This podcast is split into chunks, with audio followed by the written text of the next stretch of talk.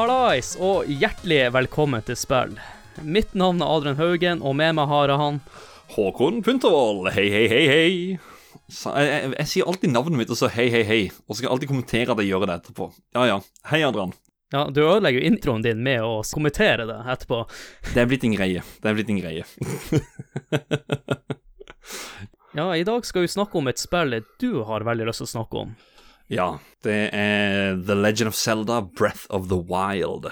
Jeg kommer til å tenke på at det er jo Det er jo faktisk noen år siden det spillet kom ut, og da tenkte jeg nå Tja, det er på tide å ta en liten prat om det igjen, og, og se åssen det har holdt seg.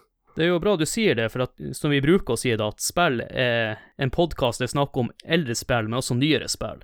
Mm. Så Breath of the Wild er litt mer mot nyere spill. Kall det litt sånn midt imellom. Og så vil jeg, jeg må bare komme med en disclaimer allerede nå i episoden, at uh, det kan godt hende at jeg framstår som kritisk under episoden her. Jeg vil bare si med en gang at uh, hvis jeg skulle gi det en karakter på spillet, så ville jeg kanskje gi det 85 av 100. Så jeg, det jeg prøver å si, at jeg syns spillet er veldig bra, men jeg blir å sikkert komme med noen synspunkter der, jeg som eh, forteller hvorfor jeg ikke gir det 100 av 100, for å si det sånn. Mr. Critical. Som sagt, jeg synes det er et veldig bra spill, men jeg blir å ta fram punkter som jeg mener jeg kunne gjort annerledes. For min del, da. Det er ikke sikkert at jeg har rett.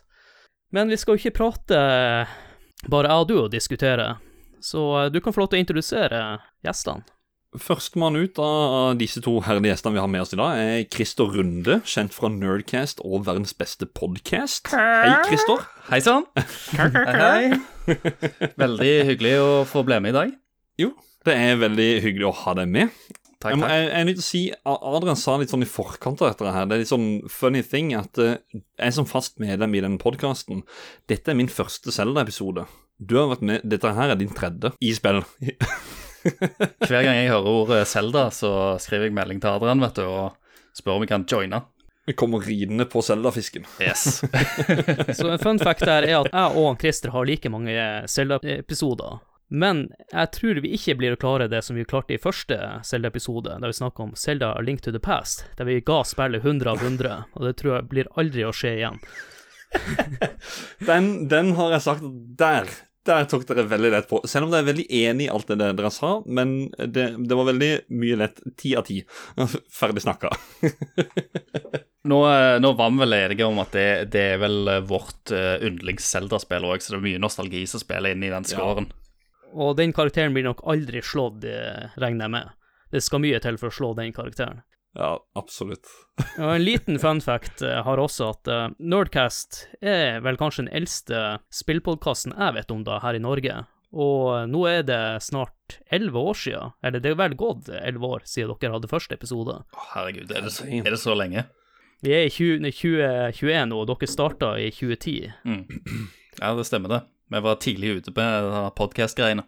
Ja, og det som er også litt interessant, at dere er, i Nerdcast er like gammel som meg. Dere la opp nesten samtidig som jeg starta med podkast.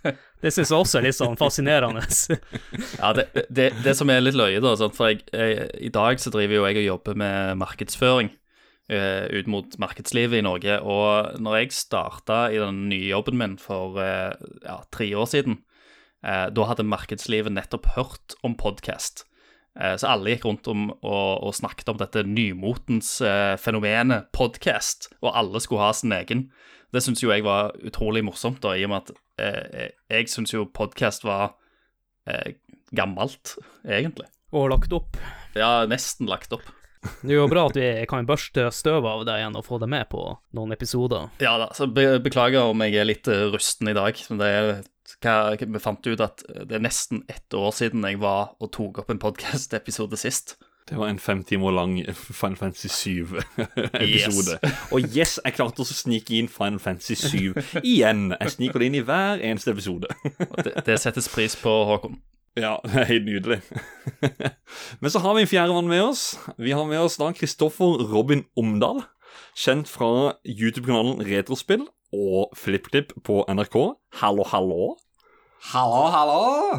Hyggelig å kunne få være her på eh, Og når jeg skal snakke om Når vi skal snakke om mitt favorittspill ever Og det var Link to the Past eh, som trona den eh, før, fram til det spillet kom ut.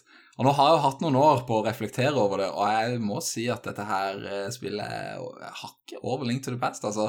Er, jeg blir ikke så blenda av nostalgi som resten av dere. så det, dette gleder jeg meg til å få diskutert. Ja, dette blir bra, det blir bra å få diskutert. Det blir bra at jeg og du blir å Går i tåter på hverandre. Men en annen ting jeg må si, er at når eh, Håkon introduserte, så trodde han skulle si Kristoffer Robin fra 100-meterskogen. Jeg bare ventet på at han skulle si det, men eh, Ja, det begynner, en, det begynner å bli en stund siden jeg flytta derifra, så, eh, så det var bra han eh, droppa det. Og så er jo du kanskje litt mer eh, kameravant i det siste, og kanskje podkastmessig også, i forhold til han eh, Christer. For du er vel også på TV, har jeg skjønt.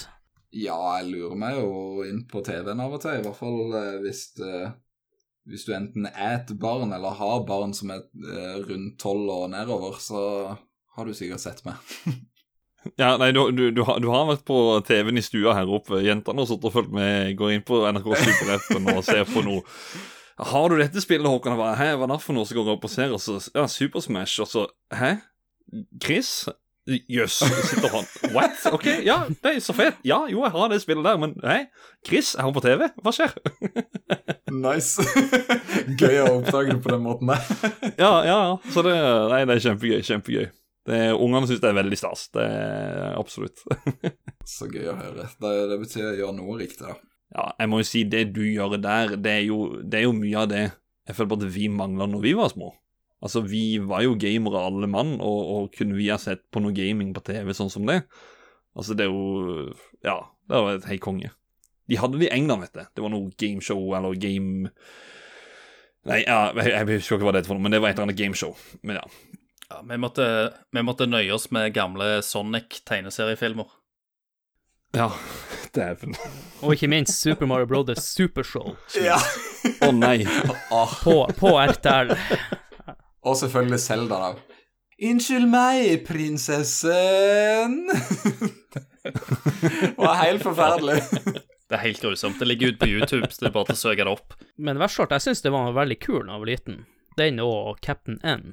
The Game Ja, det, altså, det var jo faktisk ganske kult. Altså, det var jo eneste under, altså, underholdninga som var retta mot, uh, mot videospill. Annet enn selve videospillet, da. Som var på I hvert fall uh, utafor magasinformat. Leste jo mye Klubb Nintendo, da. Det var jo òg en bra fiks. Ja, ja. De òg hadde jo egen tegneserie. Uh, nei, eh, Nintendo-magasinet, eller Klubb Nintendo, det hadde jo en egen sånn Zelda-tegneserie. Som jeg husker òg var Ja, sykt spennende. åh. Og det var jo basert på, på A Link to the Past-spelet. Så nå satser vi på at The Breath of the Wild-tegneserien kommer snart. ja, på Det Netflix. lys i, i, i, i, i samme øyne som, som A Link to the Past, eh, comic booken gjorde. Ja, jeg tenker å bli litt kjent med gjestene, så kanskje vi bare skal gå over til selve hovedspalten og begynne å snakke litt om Selda Zelda Breath of the Wild. Let's do it.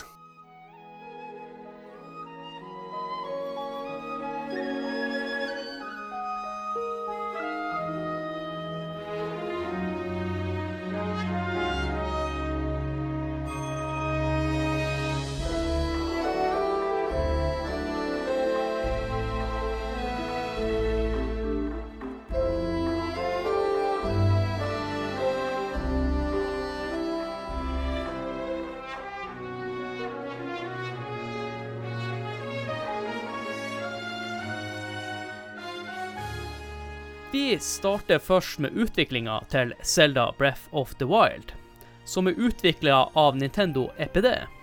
Director for spillet er han eh, Hidemaru Fubayashi, og produseren er han Eiji Aonoma. Først var spillet kun tiltenkt å bli lansert på Wii U, og touchskjermen til denne konsollen var tiltenkt å ha en veldig stor rolle for gameplayet. Men de skreppa av det her etter hvert, når Nintendo hadde lansert at de skulle komme ut snart med en ny konsoll, som var Nintendo Switch. Hovedmålet til utviklingsteamet var å redefinere Zelda og oppbygginga av spillet. De eh, hadde lyst til å reformere dungeons og puzzle-aspektet. I tillegg ønska de å redesigne spillet, sånn at eh, spilleren kunne klare spillet uten å gå gjennom selve main-storyen. For å eksperimentere med noen av disse ideene, så lagde de et Zelda som hadde et ikke-lineært åpen verden-gameplay. De laga spillet Zelda A Link Between Worlds for å teste ut det her. Det de ikke fikk testa ut, var ønsket deres om å lage et open world-spill i en skala de aldri før hadde gjort. Derfor måtte de se over til eh, Skyrim for å lære om de her utfordringene de ville møte på underveis. Inspirasjon til hvordan den store verden skulle være, henta de fra området rundt Kyoto, som også er hjembyen til han Fubayashi. Under utviklingsperioden så valgte de å lage en 2D-versjon av spillet, som var ganske likt det første Zelda utgitt på NES. Grunnen til dette er at de ønska å teste ut forskjellige fysikkbaserte puzzles. Eh, Når det kom til stylearten, så henta jeg inspirasjon fra mange forskjellige japanske animefilmer. Og inspirasjon til selve shika-teknologien det henta de faktisk fra kunstverk fra japanske Jomon-perioden, som varte fra rundt 14 000, eller år 14 000 til år 300 før Kristus. Jeg tenker også at noen av de inspirasjonskildene må ha kommet fra Zelda Link to the Past, for noen ideer de hadde der var å ha med noen futuristiske elementer, og kanskje de tok med de her ideene videre til dette spillet. En ting de valgte å implementere som de aldri før hadde med i Zelda, er voice acting. Men der tenker jeg at eh, det, helt, det stemmer ikke helt, fordi at du har jo Zelda-fisken og mange rare lyder. Men nå fikk i hvert fall spillerne eh, vite hvordan Zelda egentlig høres ut. Fysikkmotoren de brukte til eh, Breath of the Wild, er en modifikasjon av Havoc Engine. Og den motoren er vel brukt i rundt 150 andre spill. Anoma har uttalt i ettertid at fysikkmotoren har vært veldig viktig del av utviklinga for Zelda-serien, og vil være det fremover. Det tok ca. fem år å utvikle Zelda Breath of the Wild, og spillet ble lansert 3.3.2017 på både Nintendo Switch og Nintendo Wii U. Da lurer jeg på, er det noe jeg har sagt nå som var nytt for dere? Jeg kan jo selge det inn og ut, så alt eh, kunne jeg 100 Nei da, jeg bare kødder. Jeg, jeg, jeg, jeg er jævlig glad for at eh, Breath of the Wild aldri kom ut til Wii U. Det må jeg bare først eh, si. Eh, og at eh, det fikk komme ut på Switch. For hvis de hadde lagd dette spillet Det, det, det kommer jo til Wii U, for det er der er spilt spillet. Ja, men, eh, men med touch, den der touch-skjermen. Jeg, jeg er jævlig glad for at jeg opplevde det på Switch. Sånn touch-teknologi, det er jo en, det er jo en gimmick jeg har sagt det lenge, og Wii U er, er jo liksom nesten en liten flopp, selv om Nintendo har solgt greit med maskiner, da. Men jeg visste ikke at eh, de hadde henta inspirasjon fra liksom Kyoto-området, eller på områdene og byene. Det var liksom nytt. Og, eh, men det er jo en veldig tydelig anime-stil, så det med liksom at de har henta inspirasjon fra anime og sånt, er, er litt sånn a given, tenker jeg. Havoc eh, Engine, det òg var nytt for meg. At eh, de, de testa ut med den. For det er jo, som du sier, da, en ganske gammel motor som er brukt i veldig, veldig mange andre spill. Og eh, fysikken er jo vel, utrolig bra da, i spillet. Det er jo bare Det er jo en lek med fysikk, egentlig. Eh, alle Ja. puzzles og gameplay-elementene er jo egentlig det. Det jeg syns var litt morsomt med det her, er jo det vi snakka om, Christer, for over to år, siden, Mm. med uh, Link to the Past, at de ønska futuristiske elementer i det spillet. Og det måtte vente noen år før man fikk det, som var Breath of the Wild. da. Det er òg er også eh, ganske, ganske interessant, for det, de fikk jo aldri det i A Link to the Past på den måten. Du, Kristoffer, var det noe nytt for deg, da? Eh, akkurat det med spillmotoren, det var nytt for meg. Men resten har jeg hørt før. Det er jo den eh, eh, historien om at han eh, var Ayonuma som dro eh, Dro gjennom hele Kyoto for å bare egentlig se hvor lang tid det tok å dra fra den ene enden av byen til den andre. Eh, og så bestemte han seg der og da for at så stor skal Selda Hyrule være denne gangen. Uh, det, det, det hadde jeg fått med meg. Men, uh, men akkurat det med spillmotoren, det var, det var nytt for meg òg. En interessant ting her er at de så mot Skyrim, og det som er litt morsomt, er at rett før jeg spilte Breath of the Wild for første gang, så spilte jeg Skyrim for første gang. Og rett etter jeg spilte Breath of the Wild, så starta jeg på The Witcher 3. Så det kan også forklare litt mine inntrykk, siden jeg spilte tre bra spill etter hverandre. Fi- Fin rekkefølge på det. Dette med frihetsfølelse fikk det jo eh, skikkelig til. Jeg husker jeg, spilte Horizon Zero Dawn samtidig som Breath of the Wild. Åh, ja, det gjorde, det gjorde det, jeg. det viste seg til å være ganske dumt, eh, fordi at eh, selv om det er veldig mange som liker Horizon Zero Dawn, eh, og den står høyt i kurs på mange, så var det noe med frihetsfølelsen i Breath of the Wild som, som gjorde altså, selve inntrykket av Horizon mye dårligere. For ble, alt ble liksom så innelåst og innskrenka. Eh, og du hadde egentlig Du har jo fantastiske vister og, og fin natur, men du har òg masse usynlige vegger og, og, og fjellkanter som du bare ikke kan liksom komme over, men må gå rundt. Eh, og når du da spiller Zelda samtidig, og da hadde du bare tenkt ja, men her er det bare til å klatre opp og over, du bare kommer deg forbi dette her greiene. Så, eh, så da, da sank faktisk liksom nytelsen av, av gameplay-elementene i Horizon for meg, da. Jeg er helt enig. Altså, jeg hadde akkurat samme opplevelse av Horizon, og Zelda fullstendig ødela den opplevelsen. Uh, det, altså, ja, Horizon føltes klaustrofobisk Ja. i forhold. Ironisk er at jeg har litt stikk motsatt følelser siden jeg akkurat har spilt Skyrim. Men eh, Håkon, var det noe nytt for deg ut av det som jeg nevnte der? Jo, altså, uh, Havoc Engine, det med den uh, Egentlig alt det som er, det er mye av det som er blitt sagt her allerede. Var nytt for deg? Ja. Det eneste jeg egentlig har visst sånn veldig godt på forhånd, som har vært veldig fascinert av sjøl, er mye den der, at de, de brukte den 2D-versjonen av Altså en, en egen Nes-versjon. Og den har jeg tenkt, den kommer de til å bruke seinere. Og nå er det 35th Anniversary Edition, eller eh, 35th Anniversary til Zelda. Jeg spår at det kommer en litt samme greie som Mario 35, bare i Zelda 1, Battle Royale, gå rundt i Hyrule, Ja. plukke boomerang, arrows Altså, jeg er down. Å, jeg kommer til å dø av glede, da. Bare, altså, men det at de skal myrde Mario 35 nå i slutten av denne måneden her, det er bare for å datere denne videoen litt. Ja, Ja, det er ak akkurat det jeg skulle si, at eh, nå vet kanskje folk fasiten om det han Håkon snakker om nå. ja. Det, det gjør meg så trist at Mario 35 er mest sannsynlig kirkegården akkurat nå. Men Mm. da håper jeg at de har bytta ut, uh, som du sier, med Zelda 35. Åh, Det det, Ah, det, jeg, jeg, det jeg, jeg hadde mener det så bra. funker. Som Ja.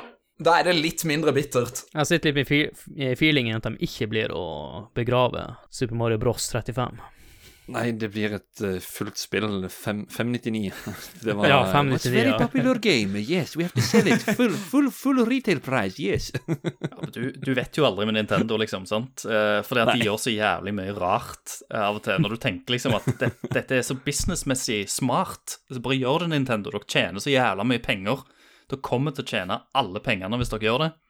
Eh, og så bare gjør de det ikke. Eller de gjør det på en eller annen måte. Hvor mange ganger har ikke Spesielt med tanke på, liksom, på backloggen deres på biblioteket. Tenk så jævlig mange kule retrospill de har. Og vi alle bare satt Mm. liksom sånn Ja, start en sånn abonnementstjeneste, en sånn Netflix-aktig eh, tjeneste med liksom masse eh, retrospill og sånt. Og de har jo starta Mm. litt med det små nå, da, men de kunne ha starta så mye tidligere. Og de kunne ha tilgjengeliggjort så Ja. mye mer, da. Det kan ikke være noe uh, firma i verden som tenker mer langs langsiktig enn uh, Nintendo, for det, de er jo livredde for at verdien på spillene de sine skal gå ned. Så jeg skjønner jo på en måte at de eh, med den baktanken der, så tenker de jo sikkert at sånn «Åh, vi, vi kan ikke drive og, og spre spillene våre eh, sånn rundt til alle, da vil jo ikke folk betale for dem lenger. Nei.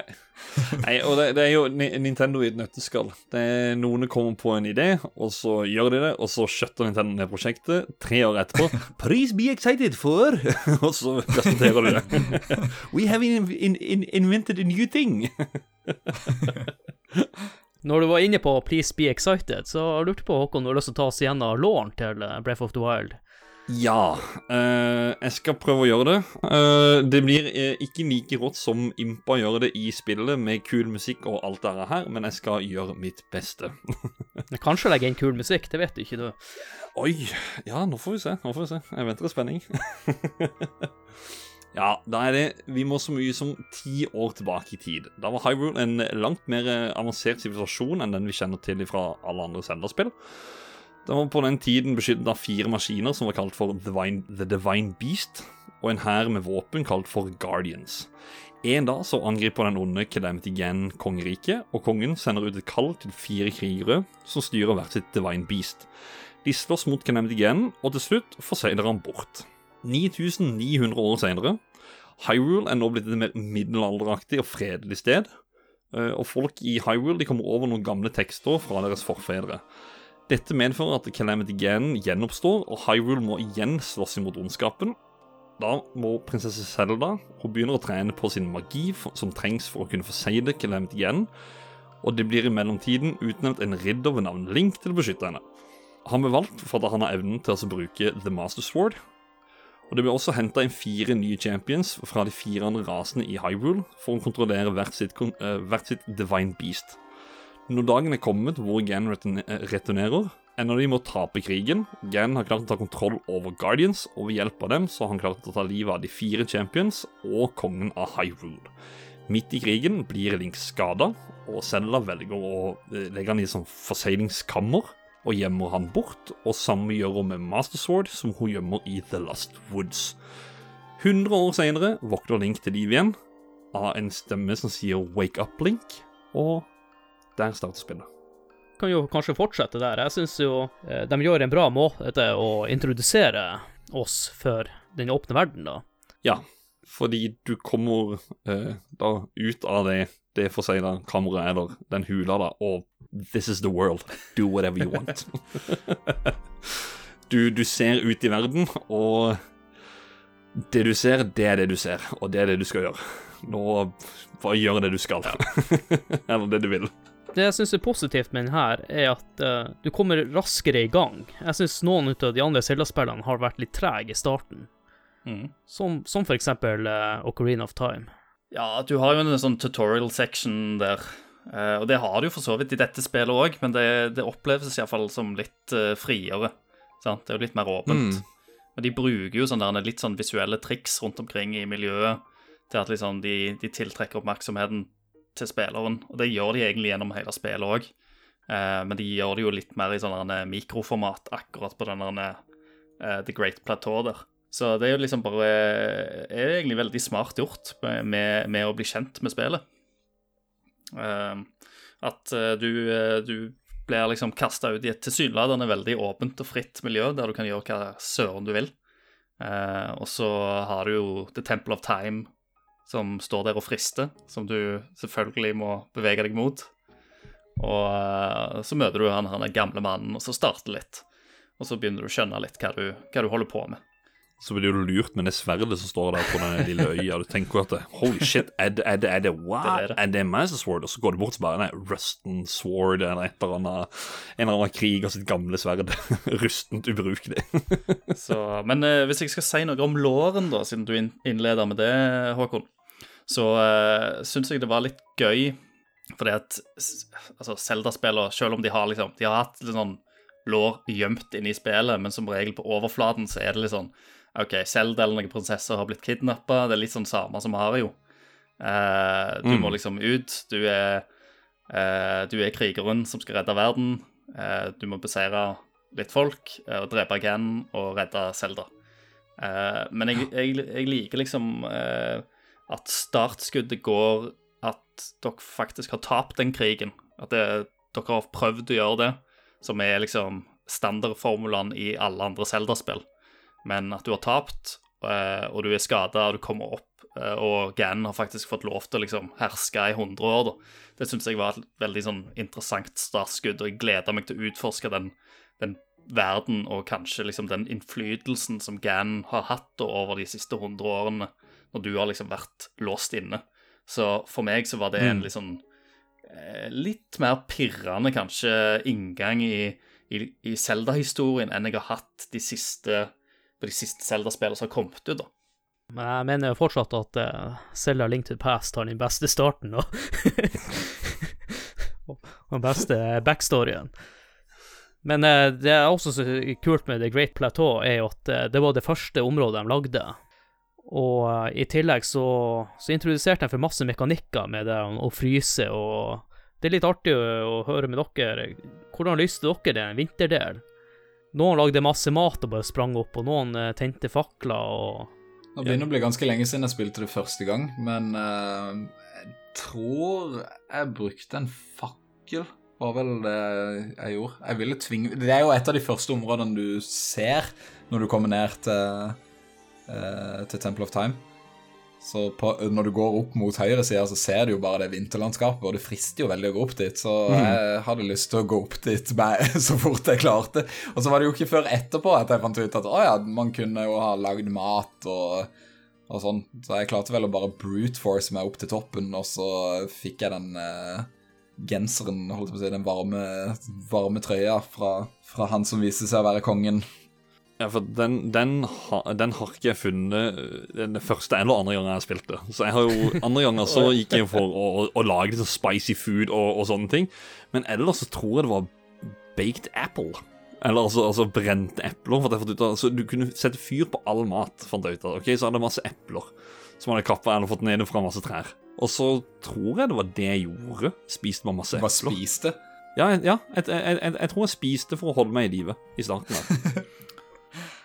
Det er jo det som er gøy, da. Altså, jeg føler jo det, Vi oppsummerer jo ganske fint her eh, den store appellen med det spillet, at man kan løse ting på, på sin måte. Å ja, ja, absolutt. Og, og at det finnes uh, tilsynelatende uendelige måter å løse Mm. ting på. Ja, det er jo kanskje det som er det, kanskje det aller sterkeste med det her Zelda.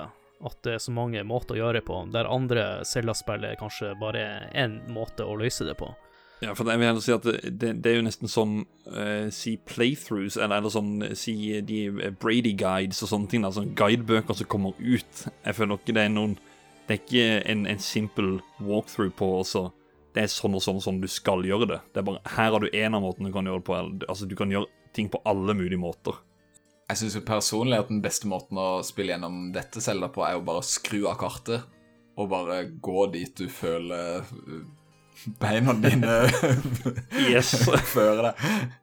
Skru av kartet, det er mitt tips nummer én. Jeg trodde du skulle si det jeg har begynt å gjøre de siste årene. Det er egentlig å, slutte å se på internett, sånne ting.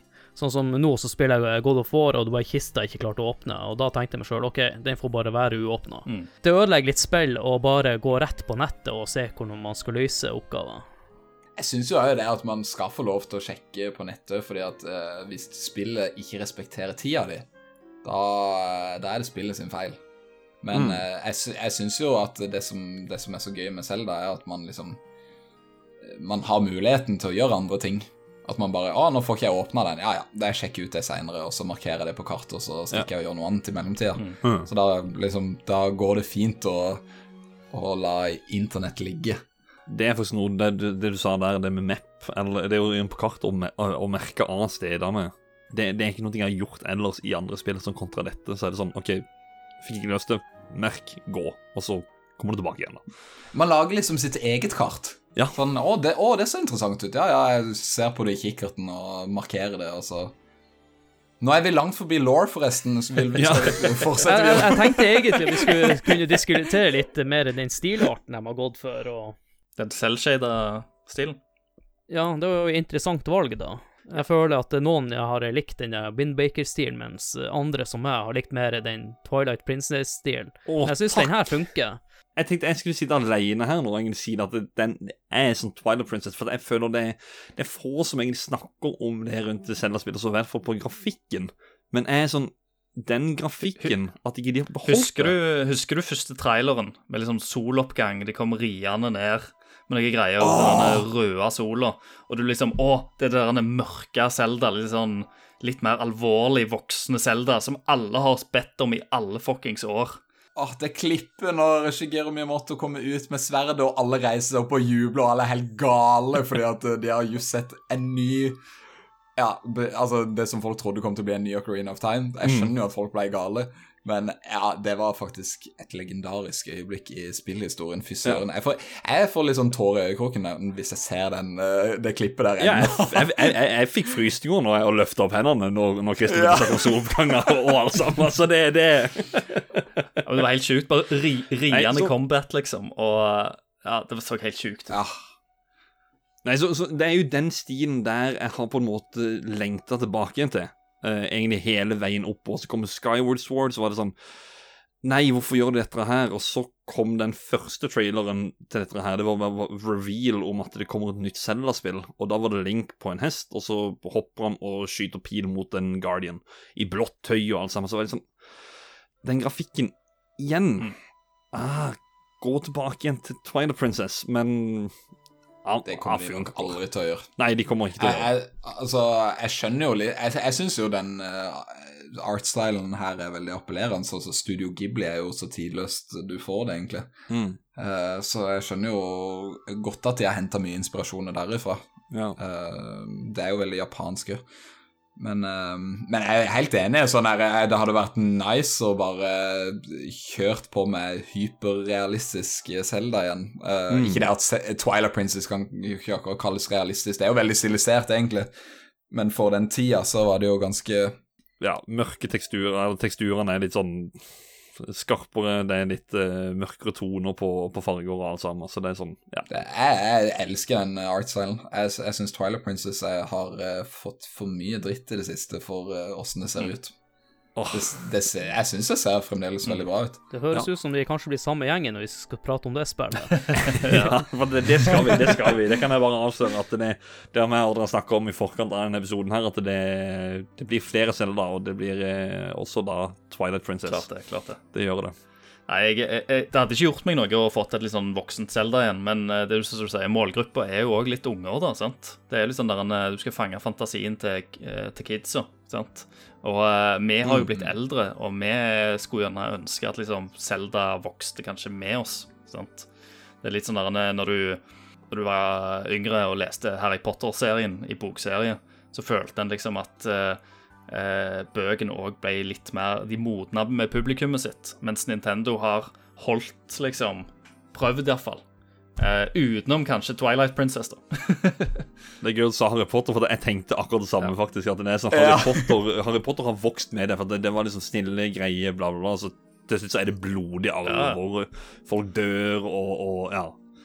Men selv om det er en ganske sånn Altså, det er jo en veldig fargerik eh, og minimalistisk artstyle, så er det jo mye seriøse tema. Altså, hele Absolutt. verden er i ruin, og eh, f- altså, folk har jo begynt å å på en måte leve i en postapokalyptisk verden og starte på nytt igjen og sånn, men det er jo mye sånn eh, mørk historie bak der som, som gjør at eh, det tar jo voksne på alvor. Det er jo ikke bare for Neida. barn. Men, eh, men det skal òg være for barn, sant? Så Ja, ja, ja. Da, da får du begge deler, ja. vet du. Og det, men det har jo alltid vært litt sånn sprinkla inn litt sånn mørke og rare karakterer og historier og sidehistorier i andre Zelda-spill òg, som var litt sånn der Det balanserer litt over på, på det som er litt sånn voksent og trist og litt sånn tung tematikk, da.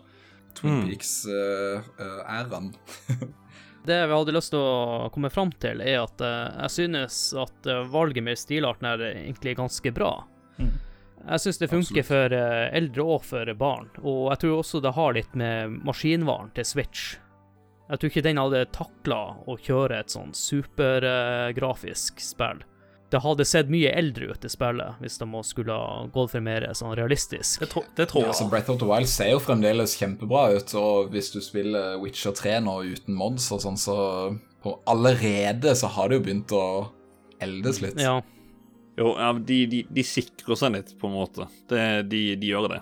Det er jo Nintendo Altså, Nintendo henger sånn tre-fire år etter i alt av spillteknologi og sånn, jeg. Så det nå så henger de jo nesten to konsoller bak med Switchen. Ja. Den er jo svakere enn eh, PS4 Pro og Det er bra at de ligger, det, det er bra at de ligger 15 år foran i spilldesignet, da. Ja, ja.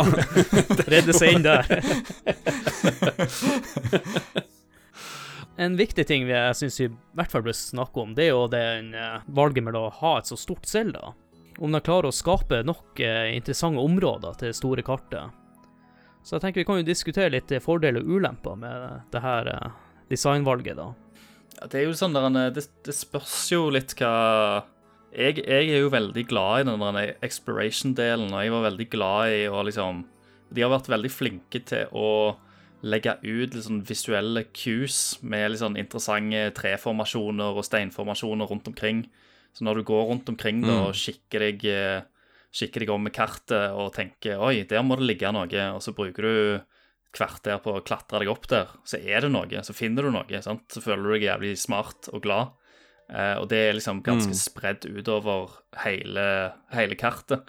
Selv om liksom nødvendigvis ikke det du finner, er liksom eh, å hoppe i taket for. Det ikke sånn at å, nå fant jeg liksom en super secret legendariske greie, men du, du fant en liten ting uansett. Um, Mm. Det syns jeg var, var gøy, og det, var, det dreiv iallfall meg nok til å ha lyst til å liksom fortsette med den exploration-biten.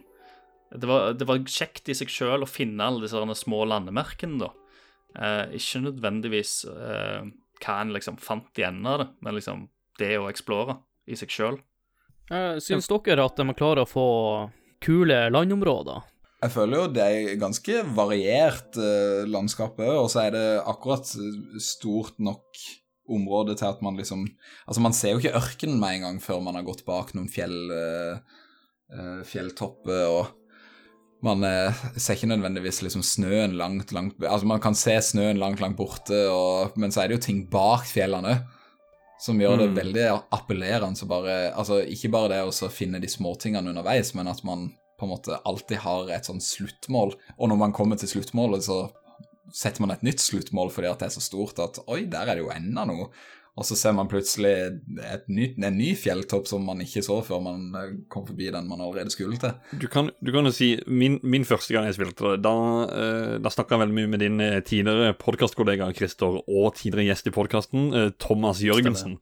Jeg snakka litt med han fordi jeg hadde fått spille noen Eller jeg fikk det på release, det gjorde ikke han, da, så jeg erta han bitte grann og sånne ting. Og bare Oh my god, sjekk det ut. Og han bare Ikke spoil! så sa jeg bare det at jeg, jeg har ikke mye jeg kan spoile, fordi Eh, jeg har egentlig Altså, du har jo Kakariko Village, som er det første mission du får etter The Great Plateau, at du skal bortover dit. Det tok meg ca. ti timer, tror jeg, å komme bort der. Ikke grunn av at jeg ikke fikk det til, men på grunn av at jeg skulle jeg, jeg måtte bare se. Jeg gikk overalt. Jeg gikk her, jeg gikk der, og ja. Jeg hadde fri den dagen fra, fra jobb, så det var egentlig Så fort de åpna på GameZone, rett ned i kjøpspillet, hjem, spill. Så tror jeg klokka var 11 eller 12 på kvelden før jeg ga meg. Og da hadde jeg akkurat kommet til Kakariko Village. Og da var det kun se på alt. Det er sånn, ja. Det er litt morsomt å nevne GameZone, fordi at eh, spillbutikker eksisterer vel nesten ikke i dag. Nei, Så det er allerede litt retro denne episoden her. dæven. Du må ikke si det høyt. Det er for trist. Jeg var på nattåpen eh, GameStop når jeg kjøpte meg Breath of the Wild og Switch. Ja, Og den GameStopen, og for så vidt GameStop generelt, bare er vekk. ja. It's gone. It's gone. til, til og med Ga GameStop, som vi liksom eh, elska og hata litt på før, når det fantes flere valg. Ja. Til og med, til og med de savner vi. Mm. Ja, altså, herregud, jeg hadde gitt uh, lillefingeren min for å få GameStop tilbake. Ja, nei, nei så, så, så spiller, spiller jeg i hvert fall sånn der Ja, det, jeg, jeg ser nå, jeg går bortover dit, oi, det så jeg noe mer, og det, det er sånn vi snakker om at du markerer og liksom OK, det og det og det vil jeg sjekke ut, og så sjekker du de tre, de tre tingene, men da har du markert fem andre ting, og så, så, bare går ballen. Det, det stopper ikke.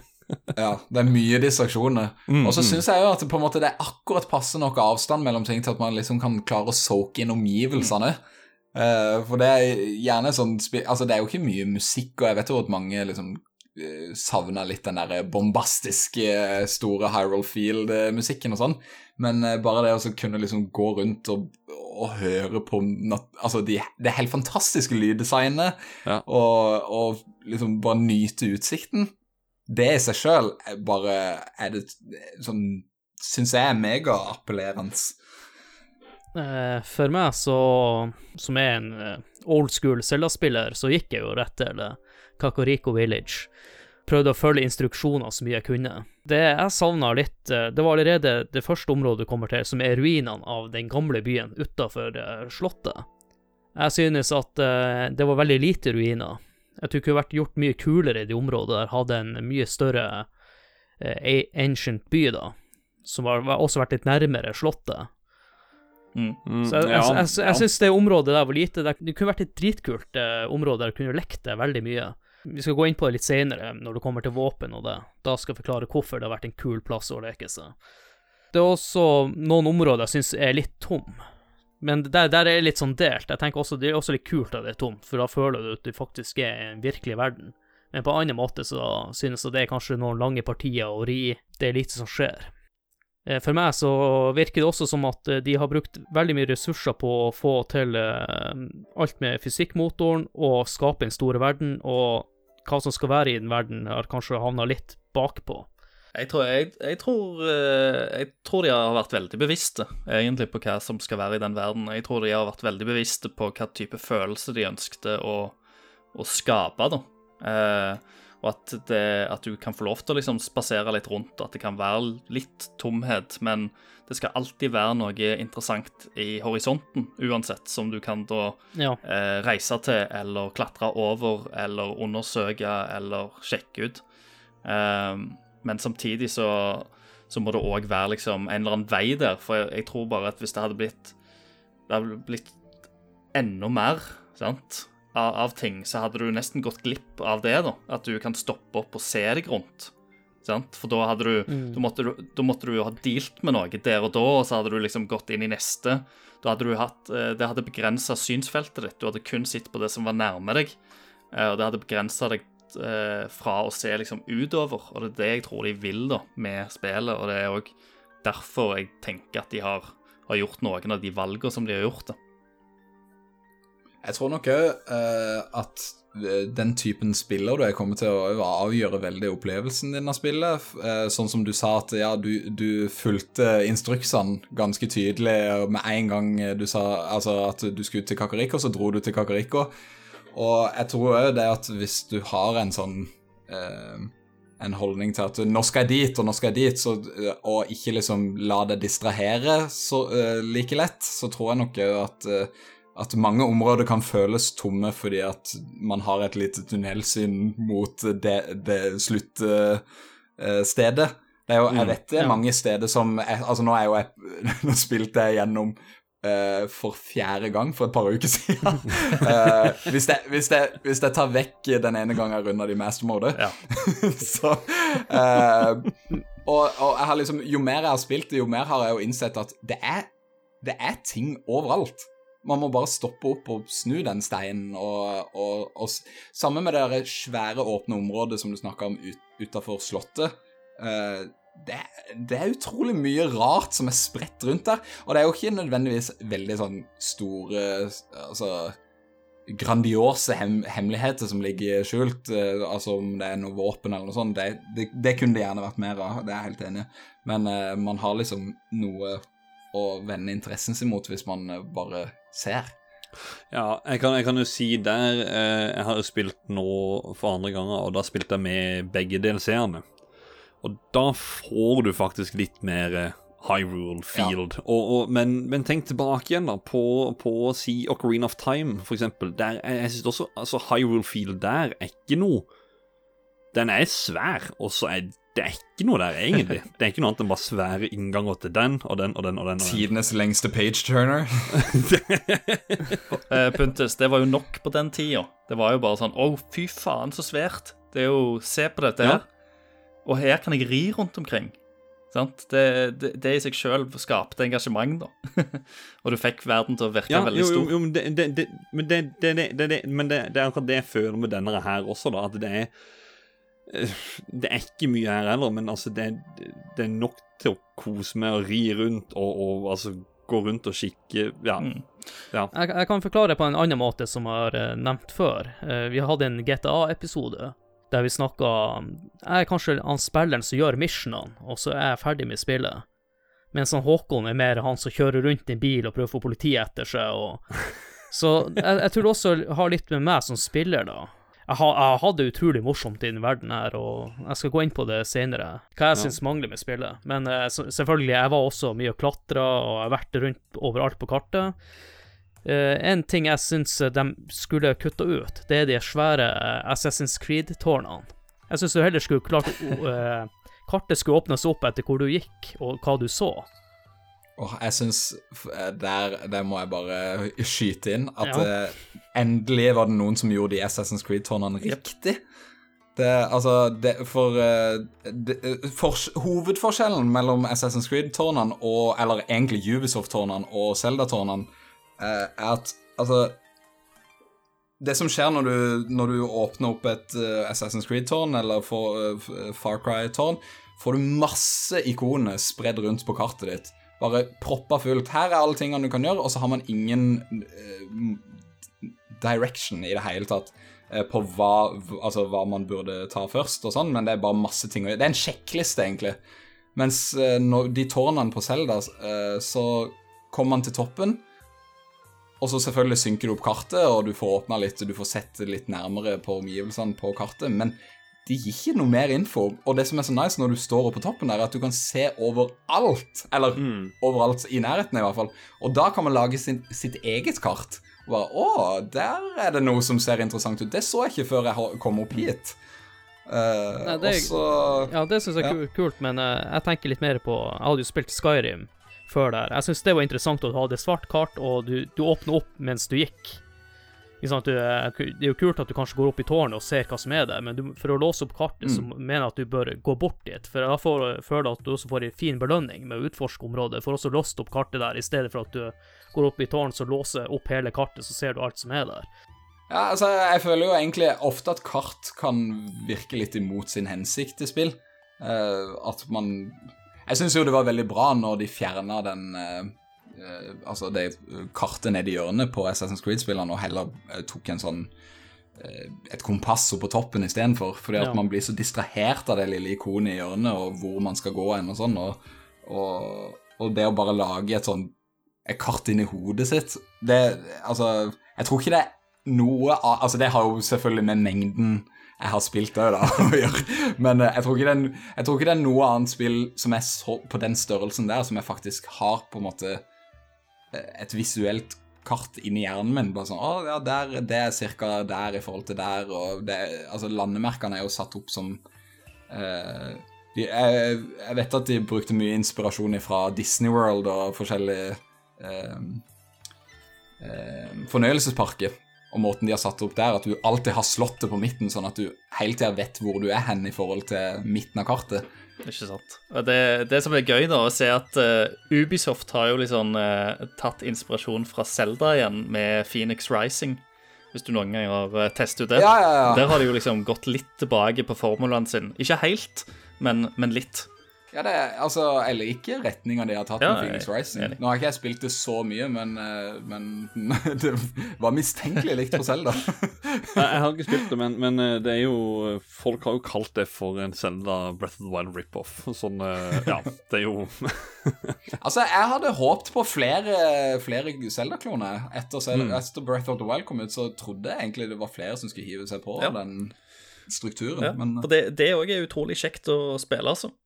Jeg tenker, Vi kan jo snakke litt om eh, De innførte jo en haug med nye mekanismer som kan være interessant å få diskutert litt. Tenkte Vi kan jo kanskje starte med det som eh, i hvert fall for meg var revolusjonerende, at de slutta med hjertedeler. Det er jo liksom der, han- det har Ja. hengt veldig sammen med Zelda-serien. da, De der han, heart pieces du skal samle sammen for å få et helt hjerte. Det er litt sånn uh, kill your darlings. Det har alltid vært der. Jeg syns jo det var også litt artig med gamle eller eldre Zelda-spill. Det er jo å utforske verden, og at du vet at det er kanskje hjertedel her og der. Jeg følte at man fikk en litt ekstra belønning av å utforske, som jeg kanskje ikke er like fornøyd med å si, de litt billige måtene med det han eh, Hva heter det? Koriko Seeds. Korok Seeds. Korok Seeds, ja. Ja. De eh, introduserte jo på en måte en litt sånn taktisk element da med eh, de shrine de. orbsene. At man Mm. Kunne velge sjøl om du skal fokusere på stamina eller hjerte. Ja. Så de, de har jo egentlig ikke fjerna helt den hjertemekanikken. De har vel bare egentlig lagt på en ekstra bit på den, at du kan bytte mot stamina hvis du vil det. For Ja. før var det jo bare fire Eller hvis vi ikke tar med Twilight Princess, eller var det Skyward Sword som hadde fem biter?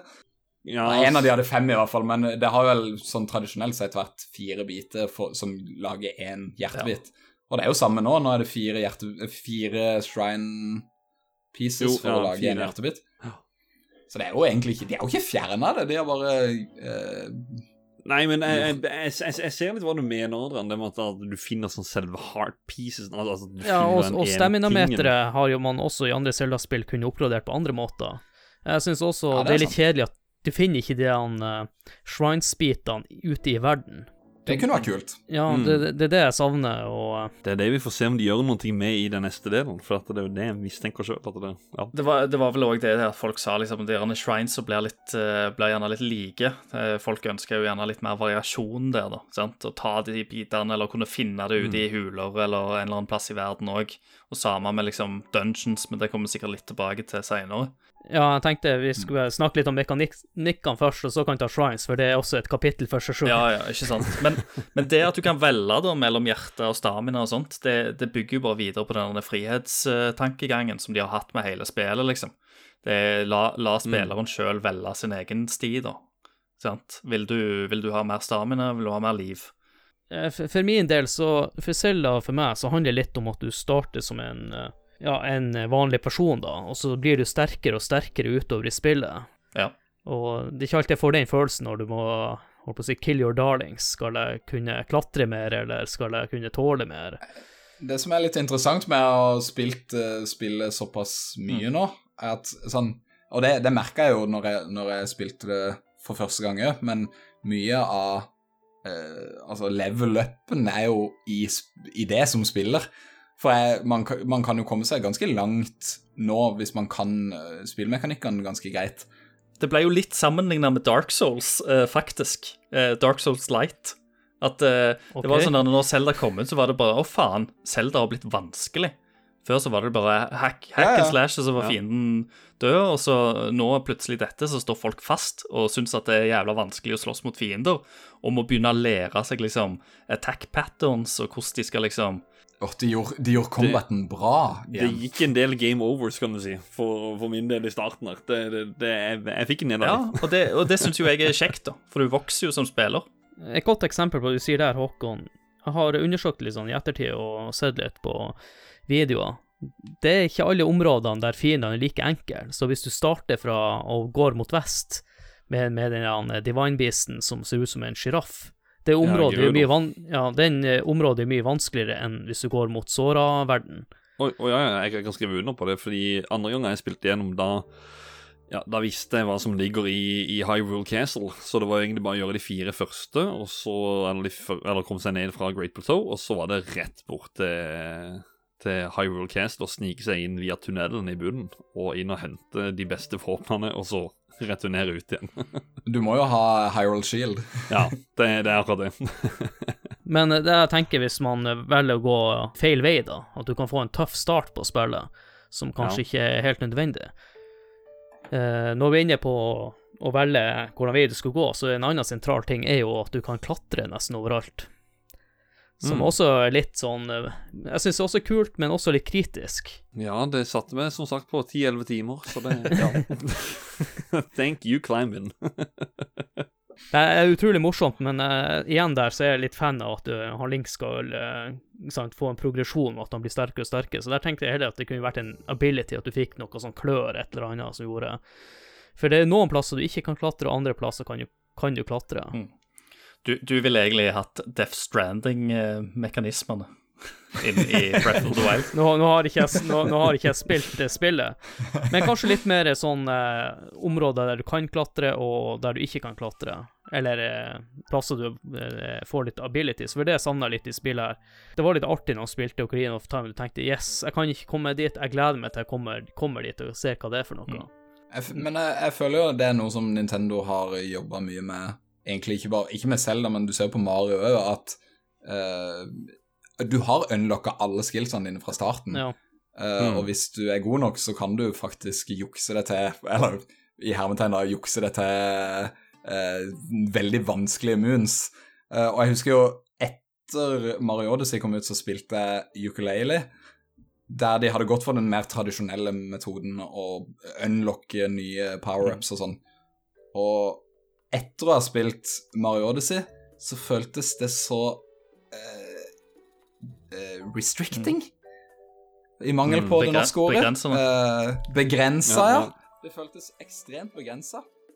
Så Men så hvis Altså, hvis Selda hadde uh, begrensa meg på den måten der jeg vet, eh, Etter å ha spilt eh, Breath of the Wild, så vet jeg ikke om jeg likte det, altså.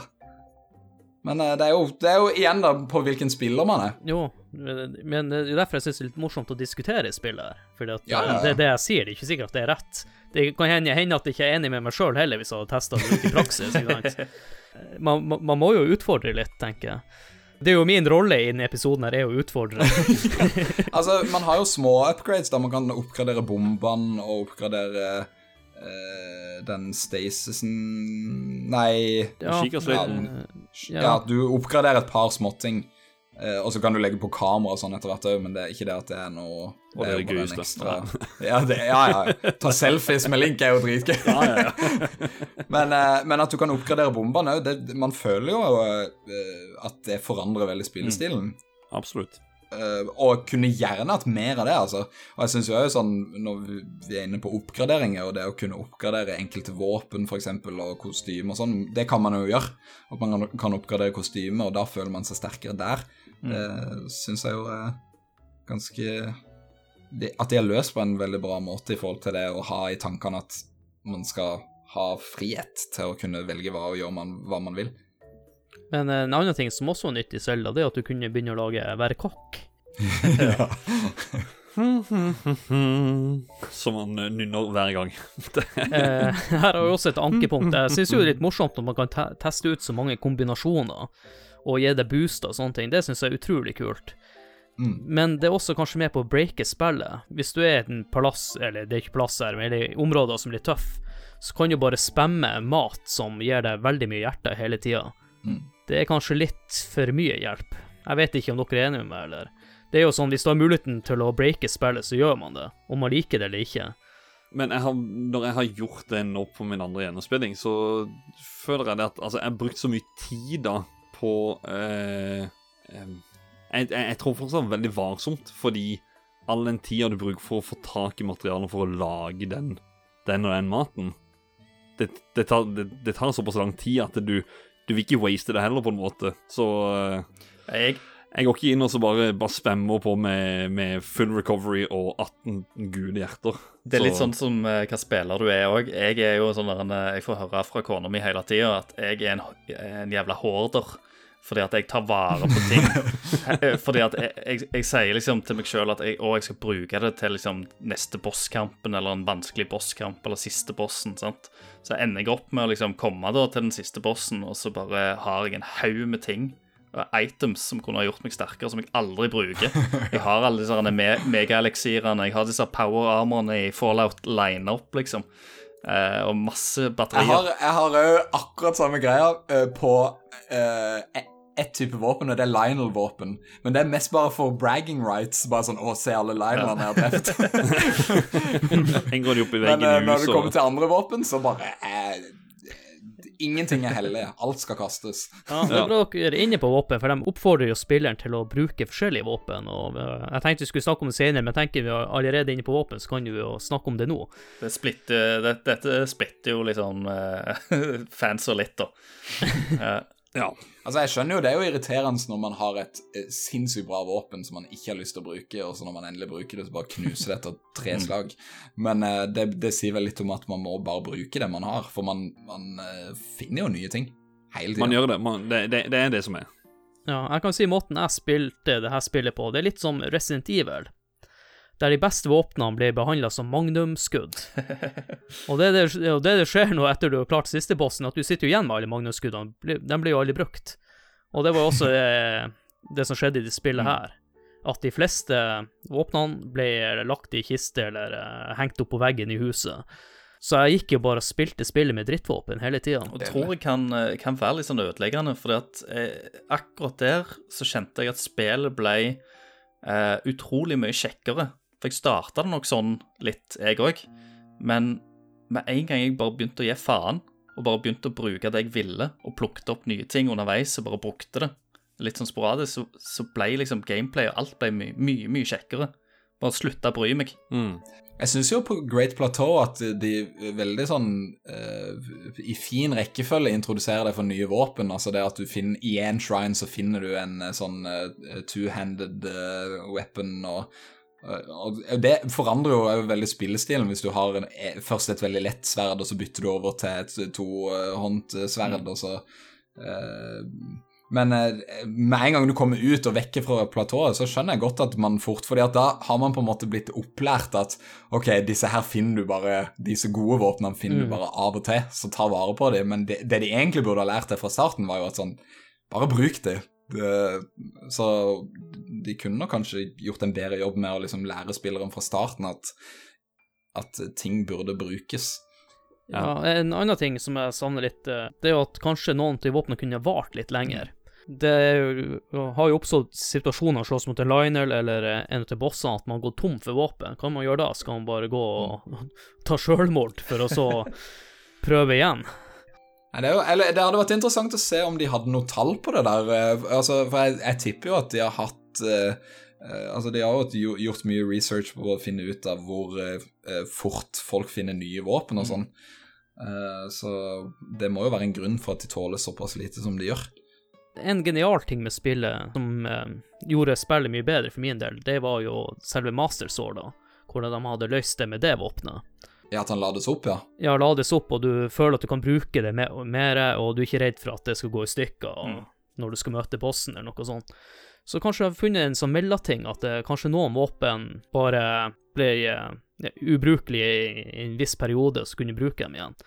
Det hadde jo vært nice om man kunne opp, liksom, sette på en sånn oppgradering sjøl, hvis man bare 'Å, dette sverdet har jeg lyst til å ta vare på', så går man til en smed, og så får man smeden til å fikse sånn at han funker, sånn som uh, Master Sword. Ja, re reparere, oppgradere, kombinere og sånt. Ja, ja Mm, mm, reparere er jo ikke minst det å reparere er jo en funksjon som virkelig burde vært der. Ja, absolutt. Men siden vi er allerede inne på våpen og sånn, så har jeg lyst til å ta fram min idé, som jeg hinta til i stad, Mm. angående ruiner. Det er ett våpen som spillet her mangler, som har vært, gjort spillet her skitartig. Det er hatt med hookshot. Ja, hookshot! Ja. Å, det var det jeg håpte du skulle si. Hookshot hadde faktisk gjort seg Da hadde han i hvert fall blitt som Spiderman. han kan klatre på alt, og han kan slynge seg. Ja, men eh, akkurat klatringa, der kunne de kanskje ha tona litt ned, så heller brukt mye den hookshoten. Og så savner jeg litt sånne klassiske cellevåpen som er kanskje en kul hammer eller et eller annet morsom ting. Men det har de jo mm. brukt skikka sliten med ja, Stasis og alle de der tingene, som kanskje hjelper litt på, men det jeg savner i Zelda, det er jo klare palass, og så får du et nytt leketøy. Som er, åpner opp verden på en annen måte, og du kan utforske på en annen måte. Her føler jeg at du får de beste verktøyene med en gang i, rett i nevene, og vær så god, tut og kjør. Du, du trenger jobbe så mye for å, for å få tak i tingene her. Jeg føler at man er litt, litt sånn spoiled child, som bare Foreldrene bare kaster alt på deg. Her, vær så god. Du trenger ikke være god i det spillet, du trenger ikke gjøre noe som Ja, helst. du, du må Du skal ba- være ganske god for å slå en, en Lineland. Lineland har de beste våpnene. Ja, men de blir, jo, de blir jo ødelagt, så jeg tør ikke bruke dem. De henger jo bare på eh, veggen i huset til han Link. Ja.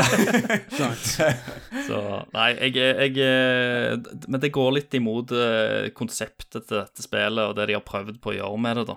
Så, så det går jo litt tilbake til litt mer tradisjonelle Zelda-spill, da. Og det Ja. går jo mot de tradisjonene de har da måttet bryte i dette spillet. Sant? For alle vi har jo noen forventninger om hva et Zelda-spill skal være. Sant? Eh, og her har de lagt til, eh, har de lagt til en, del nye ting, og de har eh, vært nødt til å ofre en del av disse herne staples som alltid har vært der. Og det er ikke alltid det gjør like godt da for folk. Nei, så, så ikke sikkert at de ideene mine er bra. Det kan jo godt hende at det er også det breaka spillet. Men igjen, jeg må jo presisere at jeg er jo litt fan av den gamle Zelda-stilen.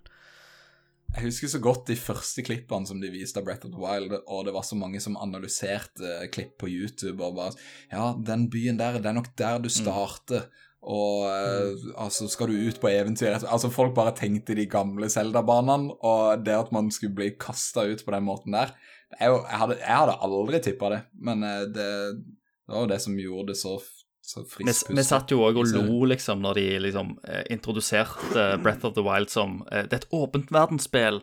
Eh, hvis den, den eh, fjelltoppen der, der kan du reise. Sant? Se den byen der borte. Der kan Mm. du reise. Den skogen der. Du kan gå der. Eh, og det, Jeg husker de kalte det for Open Air. akkurat som om det, det var liksom de som hadde funnet, funnet på det, da. Sant? Men- Funnet Mm. på Ja. Skyrim. Ja, ja, for at liksom Open World-spill var jo liksom en greie, da. Og, og alle hadde jo den der spilen med at liksom, ja, du kan gå alt, eh, overalt der du kan se det, sant. Eh, men Mm. og, og, og der var jo antagelsen min òg, da. Sant? Med at liksom, ja, ja, det kommer til å være helt likt som alt andre. Eh, men når jeg da spilte det og forsto liksom Å ja, det var dette dere mente. Eh, du kan faktisk De bare viste alle andre åssen Ja, du skal gjøre Du kan faktisk gå overalt. Du kan klatre opp, og det er ingenting Uansett hva hinder som står i veien din, så kan du komme over det. Eh, og, og det ga en eh, helt utrolig mersmak, da. Og det er jo sånn jeg sa liksom innledningsvis, det fikk alle andre typer open world-spill til å blekne og virke veldig innestengte. Amen. Kanskje jeg er en kar som liker å ha det, være litt innestengt. Du, og, eh, eh, for all del, jeg liker lineære opplevelser, jeg òg. Storydrevet lineære opplevelser. Men uh, gud, så gøy det er når det kommer et spill som bare sånn ah, Her har du en svær åpen ver verden, du kan leke, du har den friheten, og du får liksom uh, uh, Du har alle disse belønningstriggerne, sant? Du, du føler deg smart, og det er gøy å bare liksom oppleve og utforske. Eh, og det ga Breath of the Wild meg, da. Eh, og da, gjør det ingenting, fordi at altså Selda Zelda er ikke liksom sånn super storytungt spill. Det har noen cutscenes, det har en liten historie, og det har en, det har en dypere lår da, som du kan selvfølgelig lese deg inn på hvis du vil. Men eh, det er ikke, det er ikke nødvendigvis derfor jeg spiller Zelda. Zelda er gøy for at eh, det er gøy å spille det. Det er liksom gameplay og verden og, og det som gjør de spillene for meg. ja, det, jeg vil kanskje si at det er en eh, stor lekeplass, rett og slett. Mm. Du gjør det du har lyst til å gjøre. Da tenker vi kan jo snakke litt om shrines. Shrines. Ja. Hovedgrunnen til at jeg vil gå overalt. Personlig syns jeg det er litt billig mekanikk. Jeg, jeg, jeg syns jo egentlig uh, at eh, det, er, det er ganske interessant den utviklinga som Selda-serien har hatt med tempel og sånn. Ehm, for templene har jo egentlig vært Altså, si hvis du sammenligner med ehm, Link's Awakening eh, Etter å ha spilt den remaken som var der, så har jeg oppdaga hvor mye mer åpen eh, de templene var før. Og hvor mye mer sånn hvor, my, hvor mye mer oversikt man måtte ha over hele layouten til, eh, til templene.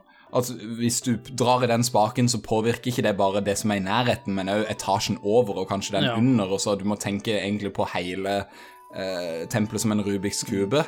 Og så i løpet av årene Det har skjedd såpass gradvis at jeg har egentlig ikke tenkt over det, men eh, hvert tempel har blitt så oppdelt.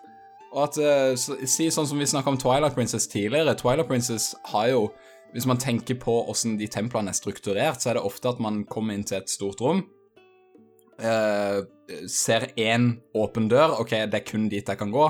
Eh, løse den puzzlen som er der inne. Å, jeg fant en ny nøkkel. Da kan jeg åpne en av de andre. Og så gjør man alt egentlig i en bestemt Allerede bes, forhåndsbestemt rekkefølge. Ja.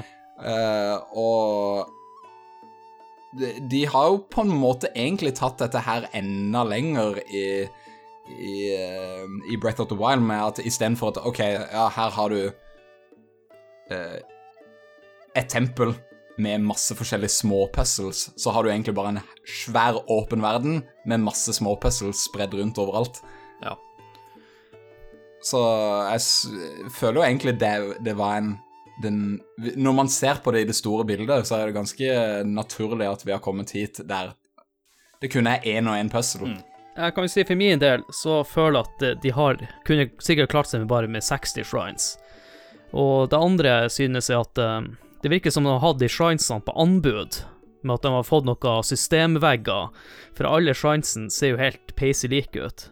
Jeg kanskje, jeg skulle gjerne hatt en litt mer sånn eh, vanntema rundt uh, Såraverden. Kanskje litt mer flammetema rundt uh, ørken. At eh, selve designet på shrine hadde variert litt mer. Ja, helt enig. Altså, det visuelle designet, det er altså Det er jo så kjedelig å komme inn i en ny Divine Beast, og så ser han helt lik ut som den forrige. Det, det kan jeg ikke være mer enig med. Og for så vidt Shrinesene. Dette er, jo, eh, dette er jo en av de der darlingsene som de har drept, da, som jeg uh, ikke syns det er til det bedre nødvendigvis. For jeg, jeg savner virkelig liksom de store tempelfølelsene. Selv om jeg vet at de har blitt veldig streamlina uh, etter hvert. Og som du sier, da, så er det litt sånn Ei dør leder til den andre, og så leier de deg gjennom. Det er jo liksom Det er jo dårlig gamedesign igjen, sant? Mens du har allikevel eh, andre Zelda-spill som har fantastiske dungeons, der du kan ha tre stikkveier, og så må du tilbake igjen. Og det, det er jo det jeg liker, da. Jo, jo mer på en måte litt avanserte de blir, så syns jeg det er gøy å være med å knekke den koden, fordi at eh, det er veldig mange av de der Zelda-puzzlesene som blir litt for lette. Sant? De blir for enkle. Det blir sånn busywork. Vanntempelet har fått altfor mye Ja, tyn. ja, ja, egentlig. Ja, ja, ja. Fordi at du, du, du kommer inn i rommet, og så vet du egentlig Du glanser rundt omkring, så vet du akkurat hva du skal gjøre, og så tar det bare tid å gjøre det. Sant? Men jeg liker jo heller å prøve å bruke litt tid på å finne ut hvordan, hvordan ting funker, da, enn enn bare at det skal tid, å, å bruke tid på å gjennomføre det. Ja, altså, det er også, det er også kommet tilbake igjen til Link's Awakening. Det var jo helt fantastisk at de ga ut det rett etter uh, Breath of the Wild. Og der ser man bare hvor mye Hvor bra templene i Zelda Ja. kan være. Jeg er liksom, Link's Awakening er de beste templene i hele serien. Ja, jeg husker når jeg, når jeg spilte Link's Awakening på eh, Hva var det, Gameboy Color, eller det kom ut på? Eh, ah, Og, DX. og ja, DX. Så er det jo et eller annet tempel der du skal gå rundt med ei sånn stålkule som du skal kaste på sånne pilarer. Uh, som gjør at Ja. liksom uh, egentlig etasjen raser ned. Som gjør at du kan komme deg videre på toppen. Det satt, det satt jeg Det fast på lenge der, i den tida når jeg spilte det første gang. Det, det var liksom der, Det var litt tricky. Det var akkurat litt sånn Vanskelighetsgraden var litt, litt for tricky. Der har du en perf perfekt eksempel på at du må liksom Der må du tenke på alle etasjene på Ja. én gang. Og tenke på layouten. Ok, hva er det som er over meg nå? Hva er det som er under meg? Hva er det jeg skal gjøre eh, på, eh, på, på den puzzlen her, for at jeg ikke skal fucke Nei, resten? nei, og da, og da når du endelig løser den puzzlen, da, så føles det så utrolig deilig. Da har du liksom Det er som å ha løst en Ja, ja, Rubiks kube. der gikk det. Der satt han, liksom. Ja. Mens eh, når du går inn i et rom og liksom ser en bryter, og så ser du en stor klosse, og så vet du å ja, jeg skal sette den klossen på den bryteren. Da, da, da, da, sant? Det er ikke Det føles liksom Det er, til, det, er til, det er tilfredsstillende å skru på en bryter eh, hjemme og få, få det til å se at det lyser i rommet. Det er jo ganske tilfredsstillende, det òg. Men det er ikke like tilfredsstillende som Når jeg fant ut eh, i hva er det første, første tempelet i den der eh, A Link to the Past at du skal tenne på de der jævla fire lyktene for å liksom utvide Ja. gangen for å komme inn til bossen, det òg var sånn eureka-moment for meg. ja. Det, det òg var sånn Åh, da følte jeg meg jævlig smart. Og så brukte de det igjen i 20 år etterpå, så ble man litt lei. Men det verste er at eh, jeg spilte, spilte jo igjen med kona, da. sant? Eh, spilte Og det var vel eh, A A Link's Awakening, og der bruker de samme gimmicken en eller annen plass. Eh, og da satt hun og spilte, og så kom hun inn i et rom, og så skjønte hun ingenting. Og så sier jeg til henne men du må prøve å tenne alle faklene. Sant? Og så tenner hun det, og så dung, så kommer det ei kiste, eller det skjer et eller annet. Og hun bare ser på meg som om jeg var Rainman, liksom. Bare Hvordan i helvete visste du det? Så du det? Jeg har spilt Zelda før. Kanskje grunnen til at vi finner de gamle puzzlesene så enkle, er jo fordi at vi har erfaring med Zelda-spill. Det som uh, jeg ikke nevnte innledningsvis med shrines, er at det er tre typer shrines. Du har jeg den vi snakker mest om nå, som er puzzle-solving. Og så har du noe sånn puzzle-solving utafor shrinesene. Og så den siste er hvor du skal teste styrken din. Og den siste syns jeg er veldig repeterende og kjedelig. Den, ja, den er, den er Du får et eller annet nytt våpen, og så er det hvilket item er det som droppes. Det er det jeg føler du får der. Det er ikke noe, det er ikke noe mer. Og det våpenet der blir knust eh, ett minutt senere, sånn at det var helt bortkasta, hele greia. Det var jævlig kult først, første Da må gang. Bare kaste det på noen. For jeg, jeg, klart, jeg klarte å liksom rote meg bort i kanskje en litt mer sånn high level shrine. Så jeg brukte jo omtrent alt jeg hadde i inventorien på å ta den der jævla roboten som sto i veien. Og så fikk jeg en sånn Det var første gang jeg hadde fått sånn der en Shika-weapon. Eh, og sånn sverd. Og, og det var jo sånn Wow, dette her er så jævlig mye bedre enn alt det andre jeg har. Eh, så det var, Ja, det var ganske fett. Men etter hvert da, så blir det jo en litt mer repeterende prosess, da. Det er gøy altså å få en major test of strength eh, ganske tidlig i spillet, og så kommer du til Kakariko Village og får den tutorial eh, eh, Men eh, det, det du nevner der, det er jo også en svakhet med å ha et sånn så åpent verden. At noen kanskje gir opp helt i starten, og mister mye bra items bare for å ta den lille roboten der. Men når vi snakker om de, de shrinesene som kanskje de fleste synes er bra, da, det er jo puzzle-solvinga, men her òg er litt sånn eh, Det som er genialt, er at du har så mange måter å løse dem på. Jeg er sikker på at eh, ingen av oss har løst alle shrinesene likt. Men igjen så ble jeg litt lei det òg. Du får et tomt rom med å bare å drive på med IQ-tester. Jeg syns jo det er god variasjon i, i shrinesene på de puzzle-shrinesene, men én ting jeg bare ikke kunne fordra, var motion controller-shrinesene. Ja, fytti Shrinesene. katta. Og det, altså det, Jeg har aldri sett så dum ut mens jeg har sittet på bussen. Når jeg har sittet med, med switchen over hodet og bare Åh, hvordan er det jeg gjør dette? Og så finne ut at man bare kan ta av joyconsene og snu de opp ned. Og Eh, Men eh, ja. Altså, jeg syns jo vanlig Ofte så syns jeg motion controllere funker bra. Sånn som det at man kan bruke motion controllere til å finjustere siktinga, eksempel. Det liker jeg veldig godt. Men akkurat på de, de der eh, shrinesene, det var et rent Heldigvis var det ikke så mange av de, da. Nei, det er sant. Nei, det, Det er den ene av de er jo heldigvis bare snu eh, gamepaden, eller snu joyconsene på hodet, trykk på B. Så går det jo sånn, da er det jo med flate, så kan du gå rett over. Men det har jo Nintendo tenkt på, for at det, i det andre shrinet, hvor du også skal føre, når du da snur den opp ned, nei, den spikes over hele. Så nei, du kan ikke bare gå over den her. Det er også det her jeg savner litt med Zelda, fordi at uh, hele hovedinspirasjonen til Zelda-serien er når han Miyamoto gikk tur da han var liten og fant ei hule. Jeg skulle gjerne hatt noen flere huler med litt tema, litt sånn som i Skyrim. Du finner, du går inn en, eh, inn i dør, og så finner du ut at her er bodd en gang i tida noen dverger. Det blir liksom mystisk hva som skjer her inne. Mens Shrine, Shrine, den, eh, den har ikke noe mystikk etter eh, de første gangene du har vært igjennom. Det er samme greia og samme musikken og Jeg vet ikke om, eh, om det er en eh, Kan det være liksom en begrensning på liksom hardwaren? For de må jo ha opprettet en så stor stor verden garantert. at det liksom eh, had, Det er nok hadde blitt ja. for mye å proppe inn enda mer variasjon og mye huler og ting og tang. Ja, jeg sitter, jeg sitter jo med følelsen at det er egentlig det som er grunnen, da. Det er derfor kanskje alle sjansene ser likedan ut òg. Jeg vil jo tro at eh, det har vært begrensninger i Altså, nå brukte de jo fem år på å lage dette spillet, men uh, Eller om det ikke var Det var vel kanskje mer. De brukte i hvert fall veldig lang tid, og hvis du skulle brukt enda mer tid på å designe og få allting til å gi gi mening eh, designmessig, så tror jeg nok de hadde brukt uh, enda lengre tid. For å stille Eh, ja. et annet spørsmål, da. Enn hvis de bare hadde 20 kule shrines, eller eh, palass? Hadde ikke verden føles veldig sånn? da?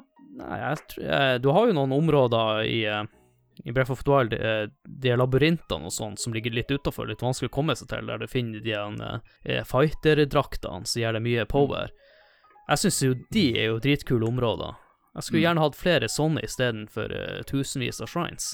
Jeg, jeg, jeg føler egentlig mengden shrines er ganske bra, fordi at de er såpass Syns du 120 er spredt. og- Jeg Ja, ja, det er for, men he, helt ærlig, jeg syns det, er det er ganske bra. For det er jo ikke bare det, er jo ikke bare det at det er en puzzle inni, det er jo en fast Ja. traveler, hvis du, hvis Ja, du trenger det. Det det. Og, og de er ganske jevnt spredt eh, rundt omkring. Og så ser man jo det at hvis man ser på kartet og bare sånn Ja, her har jeg ikke sjekka ut så mye. Så viser det seg jo plutselig at oi, der dukker det opp en shrine hvis jeg gjør det og det og det. Eh, så jeg, jeg syns det er nice, men det, altså, de, de kunne jo selvfølgelig lagd mye bedre shrines. Jeg, sy- syns ikke verden blir like dynamisk med at du får de shrinesene som ser helt likedan ut overalt. Det virker som bare strødd ut på kartet. Jeg liker jo litt mer hule og litt sånne ting som høres ut som. Eller at den passer i Jeg tror jeg har likt litt mer variasjon. Jeg er helt enig med, med det du sier der, Adrian. Uh, men ellers så, så føler jeg òg at uh, mengden med shrines er egentlig er greit. For det, uh, det er jo ikke et kriterium at du skal ta alle shrines for å komme gjennom spillet. sant? Og folk spiller jo likt. Noen er completionist, noen Ja. skal ta alle eller føler de trenger å, og må, må gå innom alle. Eh, de kan gjerne kjenne litt på den fatiguen eh, av at du har for lite eh, variasjon. Men så har du andre som bare liksom vil, vil gjennom, og de, de vil plukke litt mer sporadisk, da, eh, rundt omkring. Sant? Så de, de, de tar gjerne halvparten da, av shrinesa. Ja, jeg må bare presisere at min rolle i episoden her er egentlig bare å utfordre litt. det er ikke sånn at, det, at jeg er helt imot alt. Det, jeg, bare, jeg bare stiller litt Ja da. Og jeg svarer. Ja, jeg jeg er mer sånn midt imellom, jeg, altså. Fordi jeg gikk ikke for 120. Det var målet mitt første gangen. Men jeg, jeg vet ikke hvorfor det stoppa. Jeg tror det var der det runda spillet. Og det var det som Eller jeg tok igjen, og da stoppa det bare med en gang. Du må jo ta 120, da får du den klassiske drakta. Og det er jo akkurat det, da, ikke sant? Så, så de kunne tatt ned til det runde tallet 100. Eh, for, så hadde du fått den drakta. Her har du 100 shrines, det er good. Jeg tror jeg endte på 70 eller 80. Og sånn som du snakker også om, Christer, her med, med altså, det å eh, teleportere seg rundt forbi, at det er en grei måte å komme seg rundt i verden på også. Jeg syns det holdt egentlig med alt det jeg hadde. Så jeg er litt enig med andre. Jeg, jeg er kanskje personen som står litt imellom her. At det er, det er litt for mye, øh, men jeg trenger ikke fjerne for mye av det heller. Uh, Nei, men der skal jo Breath of the Wild ha skryt oss med. At du faktisk får en belønning for å klare å ta alle. Det er litt som mm. Skulpturlass i Ocarina of Time. Jeg vil at du skal klare å ta alle, hvis ikke så får du ingenting. Ja, for hva, hva men den var drakta du får, da Altså, det er fra, fra, fra Shreinesa, men hva var det du fikk når du eh, samla alle de der jævla nøttene, da? En Ja. Gullbæsj. Yes. Er det noen som noensinne har klart det? Nope. Jeg har spilt det i sikkert 500 timer. Jeg har aldri gjort det. Det, det skjer ikke. Nei, jeg var, jeg var veldig glad for at jeg egentlig googla det, og jeg tror egentlig um, Ja, Hvor mange glad er det? 600? Hæ? Er det 600, det? Eller er det 900?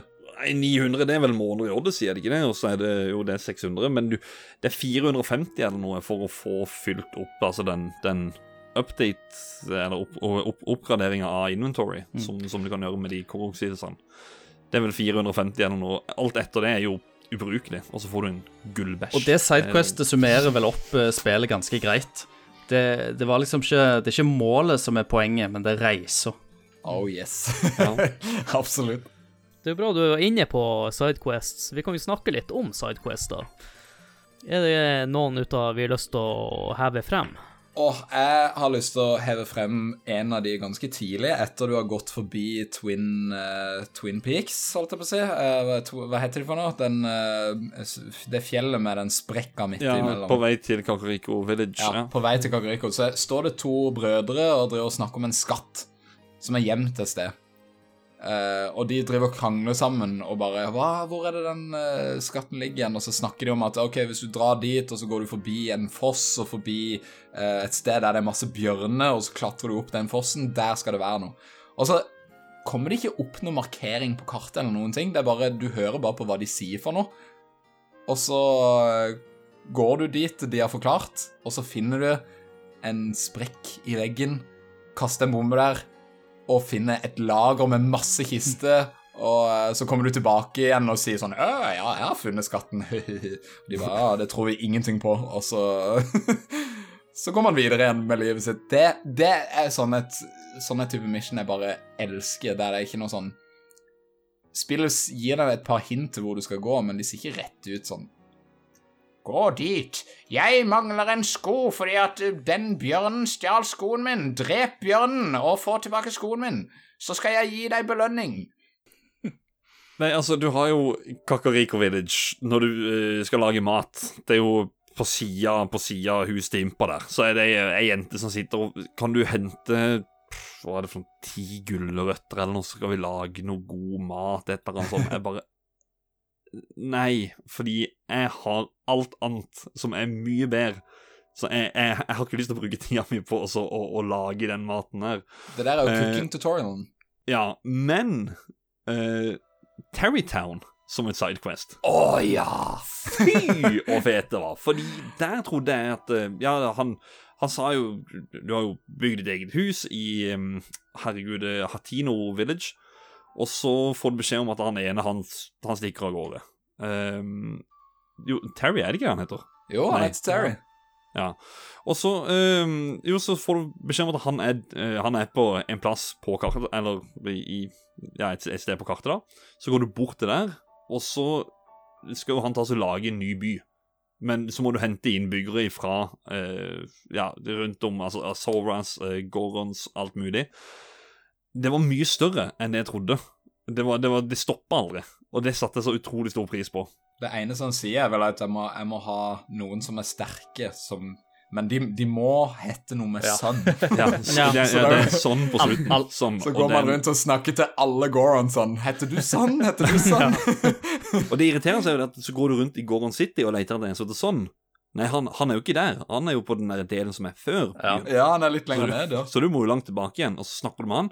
Ja, men nå er det på dagen, så kom tilbake når det er natt. Ja, for helsike heller, da. OK, lage bål, sleep until night, og så snakker man.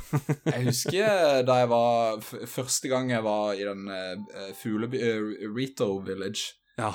En av de første karakterene du møter der, så er det en fyr som sitter og ser sånn håpløst ut i horisonten og bare Å, jeg skulle ønske jeg kunne starte min egen butikk, for han har butikk sammen med mora si, og han er så drittlei av maset til mora. Og det er sånn der Når han Terry sier Å, jeg trenger noen som kan starte opp egen butikk her, så var det sånn Da gikk tankene mine tilbake til han med en gang. Og så, å, jeg husker han! Han ville ha en butikk! Da, da må jeg tilbake igjen til Rito Village og snakke med han.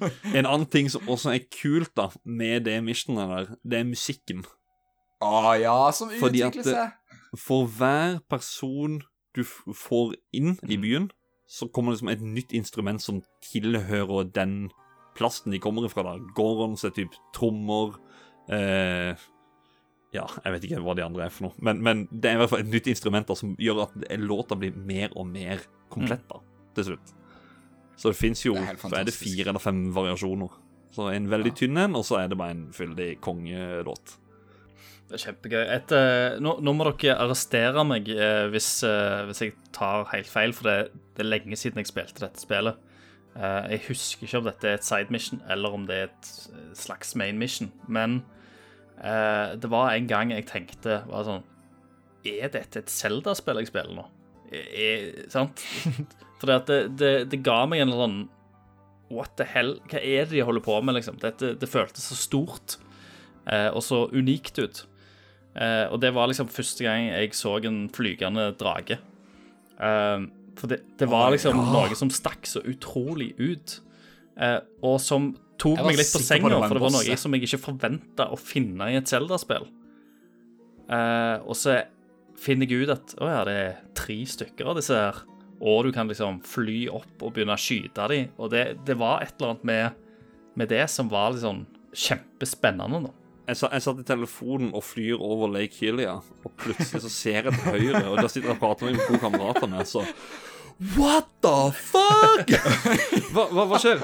En svær drage i seg hva, er det som skjer for noe? Han er jo en boss i Ocarina of Time. For det, det er jo det um, De, de minner om uh, Volvagia, eller Vol Volvagia, eller hva det er for noe. Den dragen ifra um, Er ikke dette en familiepodkast? Hva sa du? Volvag? Nei, det, Ja, Nei, men det- Flammetempelet. jo, jo, jo, jo, jo, jo, jo, jo, jo, jo, jo. Det er Volvag, ja. ja. Det er det, men det er ganske Ja, ja, ja. parat navn. Men um, minte veldig om det, da. Men det var liksom bare så mye større. Og så Ja, som du sier, det er jo ikke bare én. Det er jo Ja. tre. Også at de bare går, de bare går rundt. De, de er så store at du, du er jo så ubetydelig og liten at de, de bryr seg ikke om det engang. Nei, nei, er nei. sånn, «Ah, Å ja, du er der, ja. Ja ja. Jeg bare- flyr videre. Men, men det jeg like liker med de dragene her, at de er heller ikke onde eller gode. De, de bare er der. Ja, de skal være en referanse til eh, de tre første steinene i Ocarina of Time, som er deler av Triforce. Der er Din, Faror og Nairu. Eller Nairu. De er jo òg veldig sånn japansk inspirerte. Og du Ja. nevnte jo Ghibli òg i stad, sant. Det, er- det er mye det er jo, De har jo den klassiske drageformen. De betyr jo sikkert veldig mye liksom innenfor japansk mytologi. Jeg vil jo si eh, mye ut av det spillet her er jo mer sånn asiatisk enn de tidligere Zelda-spillene. Du har jo også Kakoriko Village som er litt mer eh, asiatisk. Jeg har bare ett spørsmål. Tester dere Eventtide eh, Island? Det er Robinson Crusoe-øya. Ja. eh, Det beste det er jo også Øya er vel noe Skal vel være noe løst basert, eller referanse til det som er Herman, vi snakka om det tidligere. Det som kom på Switch. Det i remake. Um, Links Awakening. Ja. Det skal visst være noen hommage til den øya der, eller noe. Og du strander øya, du har ingenting. Nei. Altså, du, du, du, du mister jo alt. Så det er jo en sånn ja, Skal vi mene det er noe på toppen eller et eller annet. Du kan se formen av at det, det skal det Her kunne liksom egget ha passa inn til å være oppi der, sånn som det er i, i Links Awakening og ja. Ja, kult. Det visste jeg ikke. Og den delen der var sykt vanskelig, husker jeg. For jeg, jeg oppdaga det nokså tidlig. Så jeg hadde jo ikke noe særlig med hjerter eller noen ting. Eh, Så når jeg reiste ut der, så uh, jeg, jeg tror jeg faktisk jeg daua første runde, og da blir du uh, Da resetter ting seg, sant? Og da hadde jeg jobbet, og jeg må, hadde sneket, og jeg hadde prøvd å samle inn items igjen for å klare ting. Så Ja. Og da, da, da reiste jeg faktisk tilbake igjen for å liksom bare bli sterkere før jeg reiste ut til øya igjen. Ja, nei, det gjorde jeg når andre gang jeg spilte igjennom. Da hadde jeg jo ja, eh, tatt alle divine beastene, for eksempel, for de kreftene, de beholder du. Og så er det jo de eh, oppgraderende Shika-slaten, for eksempel. De, du beholder den, så det som er pluss av type remote bombs og sånne ting, det, det mister du ikke. Så, og det hjelper veldig i, i den delen her. Jeg føler at Eventide gjør litt eh, at du tenker på ressursene og alt av omgivelsene på en litt annen måte. Eller du går litt tilbake igjen til den samme modusen som du er i oppe på eh, Big Plateau, at man Alt du har, er verdifullt, for etter hvert så mister jo ting litt verdi. Mm. Det lille eplet du har, det har noe å si. Det er et halvt hjerte. Det har noe å si. det er litt sånn fint å komme tilbake igjen til det og bare bli minnet på det. At eh, sånn shit, du har kommet deg ganske langt i løpet av dette eventyret. For jeg, var, jeg hadde jo gjort eh, Jeg hadde jo gjort ganske mye når jeg hadde kommet til Eventide. Så for min del så var det mer bare sånn en oppvekker Mm. som sa å shit, nå har du faktisk eh, Du har kommet en lang vei siden starten. Altså, mitt, mitt, så, så mitt tips er bare eh, Gå der eh, sånn Gå der litt tidlig for å få den der skikkelig den uh, Jeg fikk smellen, jeg. Uh, men, men så var Ja. det liksom så, Jeg visste jo hvor det var på kartet, så jeg, jeg hadde jo alltid den plassen i bakhodet. Tenkte en eller annen gang da skal jeg vende tilbake. Skal jeg være bitte litt sterkere, litt mer forberedt, og så skal jeg bare eh, ta, Mm. eie alle. Og, når- og når du klarte det, åssen følte Ja, det det? var superdigg, liksom. Det var, det var Ja, men det var liksom det lille rushet, da. Du åpner opp vinduet, sk- sang den der eh, 'You're the best' fra Karate Kid eh, til hele nabolaget, og bare Yeah! Altså, hva skjedde? Nei, jeg, bare, jeg klarte det! Eventide Island, check! Jeg har et lite spørsmål. Den ninjabyen, var det en sidequest, eller var det del av mainquest? Nei, den tilhører Å, du tenker på Ju Yuga? Ja. De som har ehm, Ja, de som er Ja, Giga, Giga, ja. ja. De er i forbindelse med Det er den eh, strømhjelmen som de har stjålet fra hun Ja. i ørkenen. Ger Gerudo. eh, Så da, er det, det var i forbindelse med Divine Beast, da. mm. Det var vel en av de få tingene der man faktisk må gjøre ting i en, en spesiell rekkefølge, fordi at eh, når, du- hvis du finner Gigaclan-åpninga før du har snakka med eh, de i Gerudo, så er ikke den åpninga der. Eller den, den er der, men den er ikke åpen. Så er til, da er du nødt til å gå til Gerudo og snakke med henne, eh, for så å gå tilbake igjen, og da har ting åpna seg, da. Så det er vel kanskje en av de mer lineære eh, questsene. Og merkelig nok så var det kanskje det jeg syntes var morsomst. Ja. Eh, Nei, men da jeg skjønner ganske godt hvilke, hva slags type spiller du er. Jeg har lært mye om det. Men eh, misforstå meg rett, eh, noe av det morsomste jeg vet i Skyrim, det er jo å gå rundt i verden og oppdage huler, og den Ja. biten, så Som jeg sa innledningsvis, eh, det, jeg syns det er et veldig bra spill der. Med grunn til å høres negativ ut, det er egentlig bare for å utfordre oss litt. Du, men du kommer med alle de riktige spørsmålene. Det er viktig at Link to the Past blir det beste spillet. Jeg, kan- jeg, jeg, jeg, jeg kan, leve, kan leve med det. ja. Altså, Link to the Past har vært det beste spillet fram til 2017, så Ja, det har jo egentlig det. Og nå fant jeg ut vi må, vi må gå enda lenger tilbake. Vi må gå helt Ja, til starten. faktisk. Den spede barndom. Mm. Uh, og så må vi bare finne ut hva, hva var det som gjorde Zelda spesielt da. For min del så syns jeg ikke at det, alle sidequestene her er så utrolig bra. Jeg savner jo litt han eh, i Ocarina of Time du møter på han Dante, og så reiser du framover i tid, og så plutselig blir det hjemferd, og så viser han det hookshoten, og sånn som i uh, Mumu eh, Var det Mumu Farm det heter, eller er det Mario Kart-bane? Faen. Eh, Hva er det det heter da? Jo, Long- Ranch. Ranch. Ja, Ja. den syns også er litt kule, sånn Sidequest og Jeg syns eh, det mangler noen kule Sidequest i spillet her. Ja, jeg har, jeg har samla de, de på, på løpende bånd, og det er veldig mye jeg ikke gjør. Men der kan jeg anbefale DLC-en. Som jeg sa, litt sånn med Hyrule Field, at du, du får mye mer med DLC-en.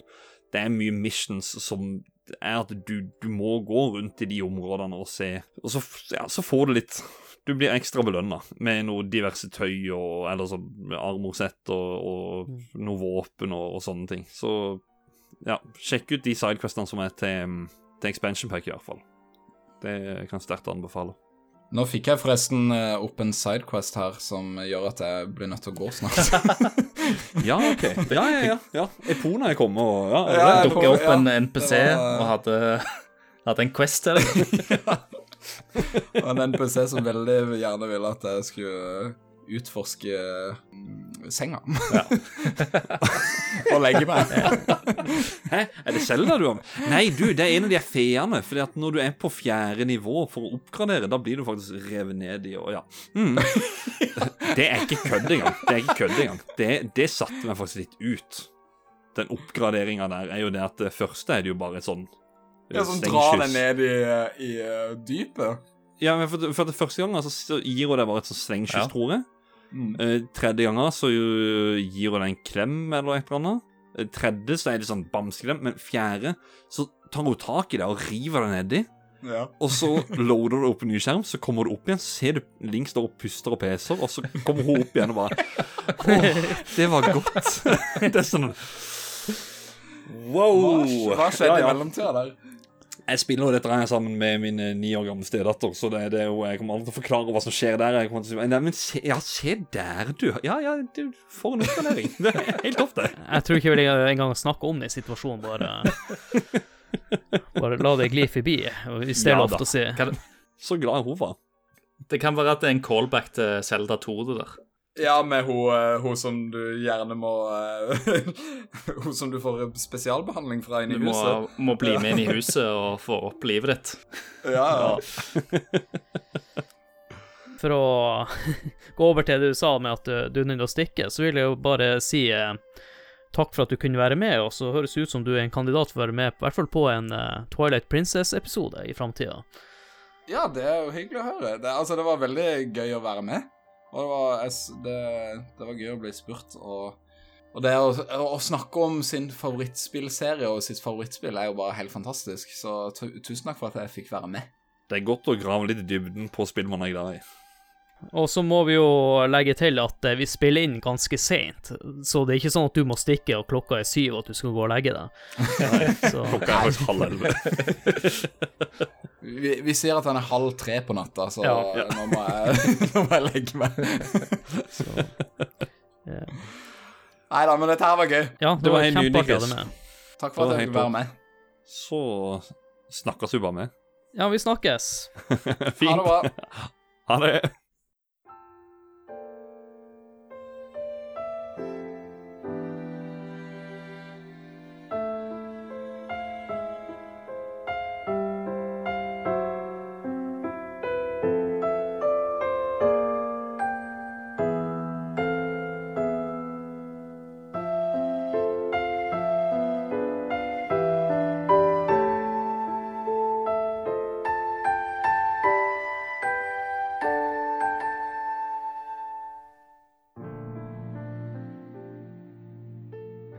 Ja, jeg må først innlede med å si igjen tusen takk til at Kristoffer eh, var med, men vi må jo fortsette videre. Yes. Jeg tenker Vi kan jo diskutere litt med eh, karakterene i spillet og NPC-ene og de fire championsene og hva vi, hva vi tenker rundt det. Har de nok personlighet? Er det spennende karakterer? For meg så Jeg kommer jo til å være The Grinch under episoden her. jeg, jeg synes de mangler litt. Uh, Ja. man mangler, mangler litt. De er ikke som hun, eh, hun den eh, Sora-prinsessa i Ocarina of Time. Uh. Nei, skal, skal jeg bare begynne på én ting, da, så kan Ja. jeg si Selda. Altså, Selda, det er fint. Det, det, det er topp. Det, det jeg sleit med der, det er voice actinga. rett og slett. Det, det bare ødela litt av, av Zelda. Det var Ja. Det er jo første gang eh, Zelda gjør det Eller Zelda-serien tar dette steget, da. Eh, og har liksom Mm. eh, utspilt dialog på denne måten. Før så Vi snakket jo litt tidligere om at det har vært litt sånn smålyder og Zelda-fisken som skriker litt, og grunting og her og der. Men eh, eh, her er det jo faktisk dialog og fullstendige setninger. Og det henger nok kanskje litt til sammen med den anime-stilen, da, sant? For det er litt sånn cartoon, litt overdrevet, eh, og litt mye. Så jeg òg syns jo liksom Det er mer i tråd med eh, anime enn liksom eh, dramafilm. Eller drama-acting. Mm. Eh, og vi, vi her i Vesten, vi tror nok eh, Jeg tror nok vi liker å foretrekke litt mer tonet ned, litt mer realistisk spill. Mens borte i Østen og Japan så er det det er liksom mer rom for liksom å, å leke seg og, og, og virkelig ja, skri, eh, være litt skrikende og litt eh, litt mer fargerike karakterer, da. Eh, og det vil jo òg krasje litt med, med vår liksom, opplevelse av, av ting. Eh, og på hvordan, ting skal, skal være, da. Eh, og, og det tror jeg òg kommer når du da skal eh, oversette det til liksom engelsk. Mm. For det at Nintendo òg må jo være med å godkjenne dette her greiene. Og jeg tror òg at Nintendo har vært med å gjerne pushe for at ting skal være stort. Eh, og ikke Mm. nødvendigvis så subtilt, da. Eh, så det, det er et veldig tydelig stilvalg. Eh, og jeg er nok enig i at eh, for meg òg så føles det nok kanskje litt for stort. Og da føler jeg òg at liksom karakterene lider litt av det, da. Eh, men, jeg, men, jeg, men jeg skjø- skjønner på en måte hvor de kommer fra, da. Når jeg tenker igjen i ettertid eh, Nå har ikke jeg spilt spillet siden 2017, og det er ikke så mange ute i karakterene som eh, sitter igjen hos meg i forhold til andre Zelda-spill jeg har spilt. Men det jeg vil trekke frem som positivt, det er f.eks. Sora-folket, der alle er forskjellige typer fiskearter. De Ja. ser forskjellige ut. Det samme med er jo med de fuglefolkene, ser annerledes ut. Yes, det setter jeg veldig pris på. Og sånn at, at de, er, de er forskjellige, alle sammen. Det er altså, altså, farger, høyde, tykkelse, you name it. Alt. Alt er annerledes med det, på en måte. Så der syns jeg de har uh, gjort det veldig bra. Men uh, sånn personlighetstyper sånn, så ingen, det er ikke noe Dante eller noe sånt. eh, sånn Ja, han der husker igjen, og alle blir glemt, eller Saria, eller Det, det, er jo, det er jo liksom Disse rasene her har jo vært etablert eh, en liten stund i Zelda-universet òg. Så du har liksom Du har Soran, du har Goron, eh, men eh, den, den nye rasen er jo disse fuglefolket. Jeg tror ikke de har vært med. Oi, Har de oi, vært med jo, tidligere? De var med i, i, i Wind Waker. Det er jo Dragon Roost Island. Det er det første du kommer til.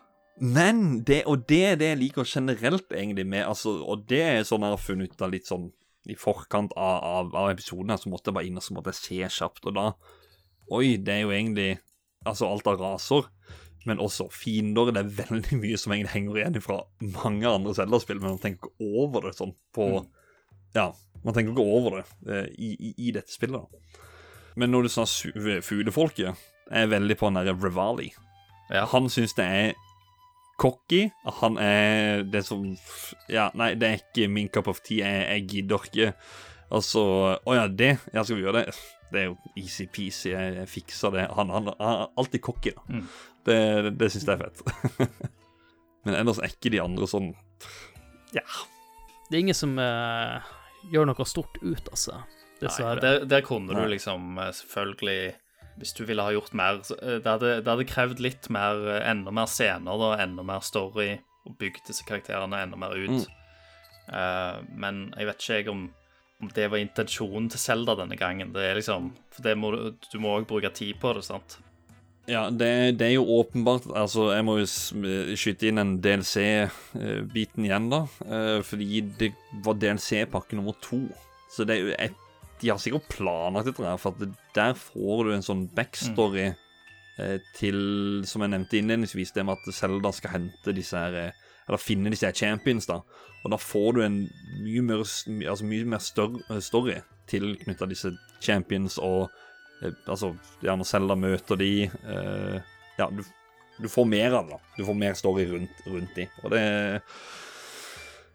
det ak Akkurat det setter jeg veldig pris på at um, Ja, nei, nå datt jeg helt ut, egentlig. Det var bare Ja. ja. Jeg, jeg, jeg, jeg, digger det bare. Jeg synes det var fint. Litt synd at det er på DLC-en, men uh, eller at det bare er Ja. Men det, men det er igjen en liten sånn der Zelda-klisjé, da. At uh, du i løpet av historiens gang, da, sant, av spillets gang, så skal du liksom få hjelp, eh, få, finne disse gode hjelperne som skal hjelpe deg på et eller annet vis, da. Uh, og her er det heroes, og i andre spill så er det uh, prinsesser som er innlåst i krystaller, og, eller eller medaljer i den der Temple of Time, i Ocarina of Time. Så har du forskjellige karakterer òg som spiller en annen rolle, da. Litt mer magisk, da, i de spillene enn gjerne her. Mm. Så jeg vet ikke, og det er kanskje det, òg også som gjør at de ikke nødvendigvis eh, gjør det største inntrykket som liksom karakterer, så at de skinner så, så gjennom, da. De har prøvd å spille ut Zelda mer her, da, eh, og gjøre hennes, hennes Det historie litt mer sånn tragisk. Så hun er jo Mm. mer Kanskje litt mer interessant enn hun har At de har tillatt henne til å være, da. Uh, men allikevel så har hun, hun har hatt sine øyeblikk i tidligere spill òg. hun var jo utkledd i Ocarina of Time og var en oh, Mm. mystisk hjelp Ja. eh, lenge. Mm. Men en ting er, som er også utrolig viktig i Zelda, det er jo fiendeutvalget, Mm. som vi kan eh, diskutere litt. Eh, du har jo Moblin som eh, som eh, ja, har vært med i mange av de siste Zelda-spillene. Jeg, jeg personlig hadde jo ønska de gode, gamle grisesoldatene fra det første Zelda og de gamle Ja. Zeldaene. Men, men, men du tenker på de som kaster bumerang? Nei, ikke bumerang, jeg tenker på uh, Hva tenker på Ja, nei, ja, selvfølgelig de, ja. ja. ja nei, for det er de som Det er kaster alle som så ut som miniganon i før i tida. Ja, for Moblins er jo faktisk i det første Zelda-spillet. Jo, jo, men jeg, det er bare designet jeg ville ha dem litt kulere. Ja, det, var det, det, det er det som er at de er helt annerledes her enn det de har vært før. Uh, samme føler jeg nesten med de uh, Å, de uh, Lionelene også. Mm. Det var jo sånn der eh, det er jo, Her er det jo noe massivt kontra Ja, så i, i det første spillet så var det jo egentlig bare en, en hest med et sverd, og det var det. Og så Du tok de relativt lett, da. Her er det noe mye større Ja. Linelene synes jeg er mye kulere og vanskelig å slåss mot enn bossene, som vi snart skal snakke om. Det er kanskje en av de stiligste fiendene noensinne i Selda. Jeg vil, jeg vil gå så langt å si det. ja. Jeg synes, jeg òg syns det er gøy, og det er veldig kjekt første gang du liksom møter en, og du eh, virkelig da får litt pushback. Når du da har begynt å bli komfortabel med de andre fiendene, du begynner liksom å synes at ting går litt greiere, og så plutselig så møter du en Lionel for første gang, og så bare å, shit, her, her kan jeg ikke kødde rundt, liksom. Jeg, jeg sneik meg faktisk på, for jeg tenkte kanskje Er dette her en villhest eller noe? Nei, det, det, er, det, det er mer enn det. Det er langt mer enn det. Så ja. Jeg husker jeg slet veldig mye med den Lionelen oppe i den rett opp for såra-verden. Du skal jo snike deg innpå han og ta et Ja, eller annet. ja. Mm. Og han i vinterlandskapet, han tror jeg aldri jeg har klart å slå. Nei. Nei, jeg har vel tatt alle. Utenom på master mode, da kommer det en golden uh, Lionel. Da er det på master mode, da, Inni en Colosseum. Ja, for jeg har tatt en sånn sølv-Lionel. Den, er- den er er vel det vanskeligste du kan ta, tror jeg, i, i vanlig spill uten DLC-er. Den som tåler mest. Mm. Men det er òg en sånn eh, klassisk gamey greie at uh, du har liksom fargevariasjoner av fiendene for å liksom eh, si hvor vanskelige de er. Her har du noen Det er den, det er den samme greia, eh, men de tål, tåler mer og gjør litt mer skade. Så disse, Mm. disse må du gjerne passe deg litt mer for enn de andre. Eh, og Zelda er ikke Mm. det eneste spillet i verden som har gjort, gjort det. Men der òg har du gjerne litt begrensninger da, på liksom AI og variasjon, og at uh, på hardwaren, da, at du ikke får liksom putt, putte inn enda mer. Eh, det, for det krever eh, det, hadde, det hadde bare tatt enda lengre tid da, på å utvikle. Eh, men allikevel noe jeg òg sitter og kjenner på at liksom, eh, jeg skulle hatt enda mer variasjon. Det er det samme som du sier med Schreinzer. da. Skulle hatt enda mer, Det skulle ha vært enda mer forskjellig. Ja, det En gang i framtida, vet du. repetitive kamper, men, men ja. Vi eh, får se med Breath of the Wild 2 om de kommer med en annen vri der. Men eh, en annen fiende som jeg syns blir kult, det er egentlig Guardians. I hvert fall i starten. Ja, den, den første Guardian du møter ut forbi det ene Det er når du har tatt det ene shrinet på platået. Det er vel der du får bombene, tror jeg. Og så kommer du ut, og da er det en Det er jo i noen ruiner der, så bak den ene veggen så er det en som aktiveres. Jeg bare Hva skjer nå? Og så begynner han å sikte på meg. Jeg bare Holy shit, hopper jeg bak muren? Og så begynte jeg å kaste bombe på han. Så fant jeg ut Oi, se der. Jeg, jeg tar litt liv av han. Så jeg kasta jo bare bomber i sikkert 15 minutter, eh, 20, og så tok jeg han. Og hva fikk jeg? Nei, noen skruer og sånt. Jeg bare? Var det alt? Og da hadde ikke jeg lært det Parry-systemet. Fordi at det, det er Det må du virkelig mestre der for å vinne mot Guardians. Eh, med mindre du tar de som løper, og du slår beina, da. Det er jo også mulig. Vet du hva, Puntis? Jeg òg sto i 15 minutter og kasta bomber på den der driten. Ja, det Åh, jo, men jeg husker nervene, fordi um, det kom til et sånt punkt hvor du, du klarte akkurat å få inn to bomber eller et eller annet. Du, du sprang en, hopper opp på muren, og så lader han opp på nytt, så kunne du kaste en ny bombe. Stemmer. Og da kom du akkurat ned igjen før han skøyt på nytt eller noe. Så det var, sånn, det var nesten litt rytmespill i det. Men eh, ja. Nei, men uh, You learn the hard way. you learn the hard way. Jeg syns det var litt kult, de, de Guardians som kan springe, for dem var jo jeg livredd i starten. Og så, ja. men så får du noen ganske nice piler etter hvert som hjelper Ja. deg. Men de, eh, de er jo ganske Ja. dyre og sjeldne. Og så er det vel sånn at du mister Det er jo ancient arrows, og de eh, Når du skyter de guardiansene med den pila, så du får ikke noe item drop etterpå. Og det er det som er sånn Det er det som trigger meg til å slå dem, fordi at de Du har veldig lyst på de delene, Ja. som regel. Ja. Men en annen ting som jeg syns er kult, eh, jeg vet ikke om det heter Bob Buckley Coblin, eller Bokoblin. Bokoblins. Ja. Bokoblins. Det er jo de svære, er det ikke det? Nei, bokoblins det er de eh, griseforma røde og blå, og noen er hvite, og noen er Ja, men han, svæ han svære der, han syns jeg er kult, for han kan jo ta tak i moblin og bruke han som våpen. Eh, Hinox. Mm. De som er i A Link to the Past, det er jo de som kaster bomber med ett øye. Nei, ikke, ikke dem jeg tenker på. Jeg tenker på Det er jo en sånn svær sånn moblin, som blir større Ja, enn de andre. en, andre. det er en litt sånn tynn, eh, Jo, jo. større fyr, ja. Mm. Jo, og ja, ja, ja, ja Han tar jo kompisene sine og dryler. Han kaster på koblings etter det. Driter i det. Du var innom det, da. Det er jo noen kule minibosser som, eh, som bare er rundt omkring i verden. Og da har du han Hinox. Første gang jeg så han, det var litt sånn som den dragen. Jeg tenkte bare Du, hva, hva er dette her for noe? Så, så går jeg bort, og så reiser han seg.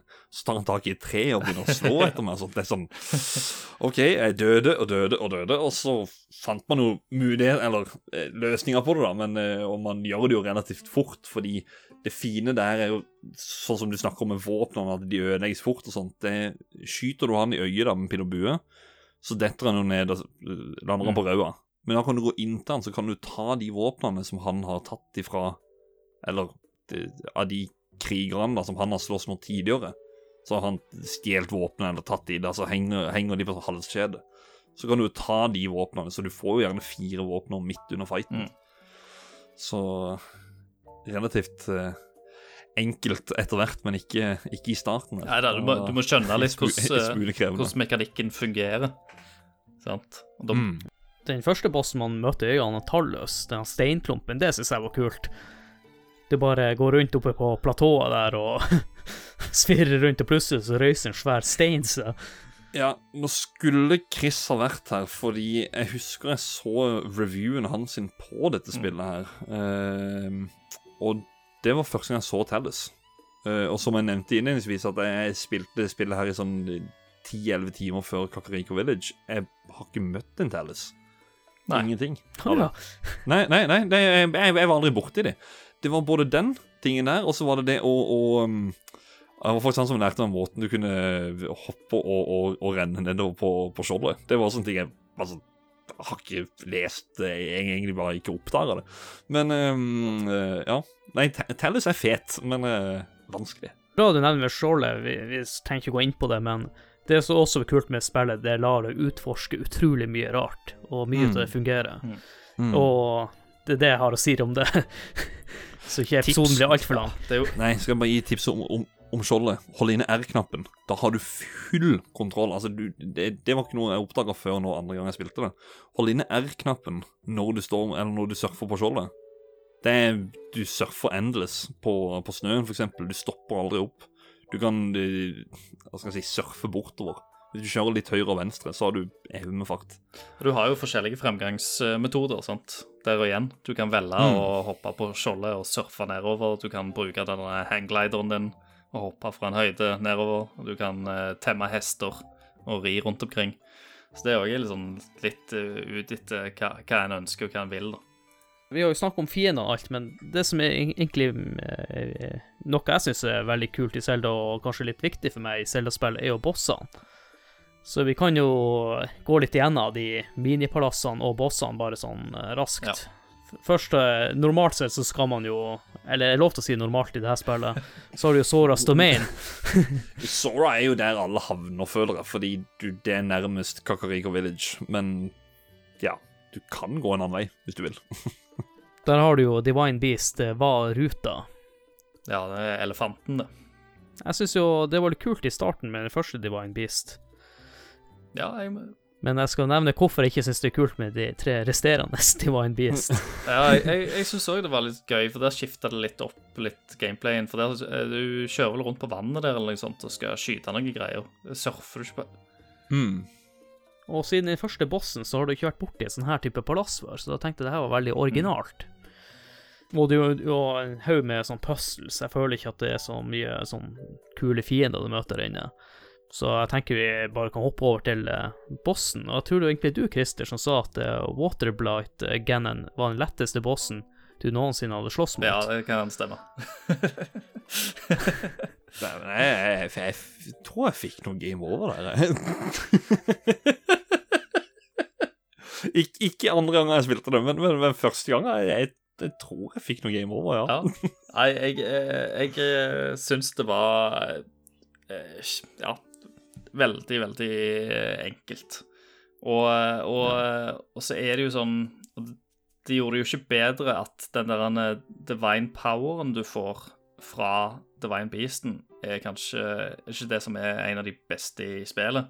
Eller er, tar jeg feil poweren? Ja Nei, det er den eh, når du blir Ja, res- resurrecta. Det er som en fairy. Mm. Eh, stemmer det. Og, og den gjorde jo ting mye, mye lettere. Det var en del av meg som ønska at, eh, at det var kanskje den siste poweren jeg fant.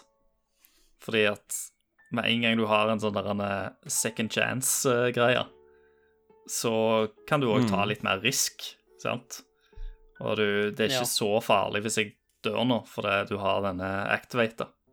Jo, ja, ja nei, jeg, jeg er enig. Eh, jeg kjente det sjøl at når jeg Når jeg fikk den jeg, Som jeg snakker litt sånn med, med, med mat og sånne ting altså det Jeg vet ikke. Du er ikke redd for å dø. Du, du, du, du kommer tilbake igjen. Det er akkurat som å ha en fairy. Det og så får du noen gule hjerter i tillegg, så du får faktisk Ja. litt mer eh, når du blir resurrecta. Men ja. Jeg kan jo si at det, det at vi snakker så litt om bossen, det forteller litt om bossen i seg sjøl. ja. Eh, jeg tenker vi tar en oppsummering på hva vi syns generelt sett om bossene eh, litt Mm. Men Mm. vi også kan nevne at vi får jo også den første drakten vår eh, rundt der, den Sora-drakten. Den og klatredrakten er vel den første.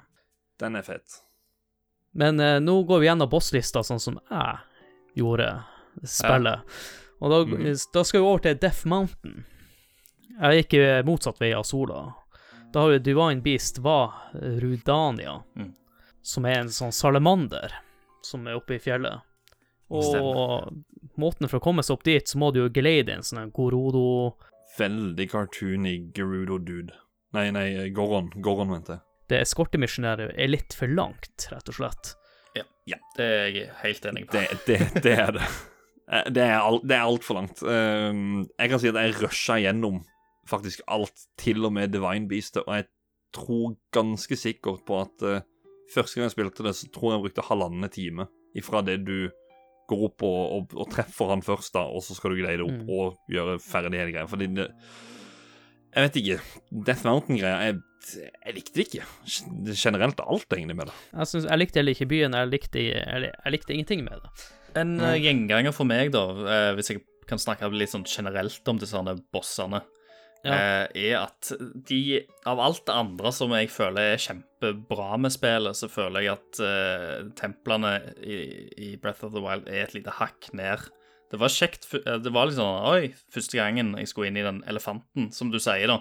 Da var det liksom litt spetakkel. Mm. Men etter det så ser du at liksom, ah, OK, det er samme greie om igjen, samme greie om igjen. Det, var- det var liksom og, og det at det er mye av de tinga som jeg sitter nå og egentlig ikke husker helt, eh, forteller meg òg at eh, det, var, det var ikke Ja. det som var det mest minneverdige med dette spillet. For jeg syns òg bossene var på en måte kjedelige. Det var kjedelig design på dem. Det er så mange kule Zelda-bosser eh, i løpet av serien. Mm. Eh, men ingen av disse bossene følte jeg var liksom sto ut. De, de havna ikke på noen topp fem-liste, liksom. Og, eh, og, og samme med liksom templene. De har jo har sin egen liten gimmick, og de er et større puzzle room, men, eh, men annet enn det, så eh, Da, vil jeg liksom Der savna jeg virkelig mer tradisjonelt Zelda-tempel, liksom. Jeg syns du forklarer det veldig godt, for hvis dere hører på denne episoden, og så etterpå hører på Zelda Link to the Past og Ocarina of Time, så vier vi, vi mye mer tid til denne delen i episoden, i de ja, episodene, enn en den her. For nå blir vi jo bare gå rett igjennom. Som han Christer sier, det var kult med første Divine Beasten, mens de tre andre er peise lik. Jeg husker ingenting, nesten. Husker ikke engang bossene. Men jeg kan jo nevne at bossen er Fireblight Gannon. Ja. Mm. Ikke noe mer spesielt med han. Og eh, neste Divine Beast for min del var, var Meadow, som er en fugl som du må fly Mm.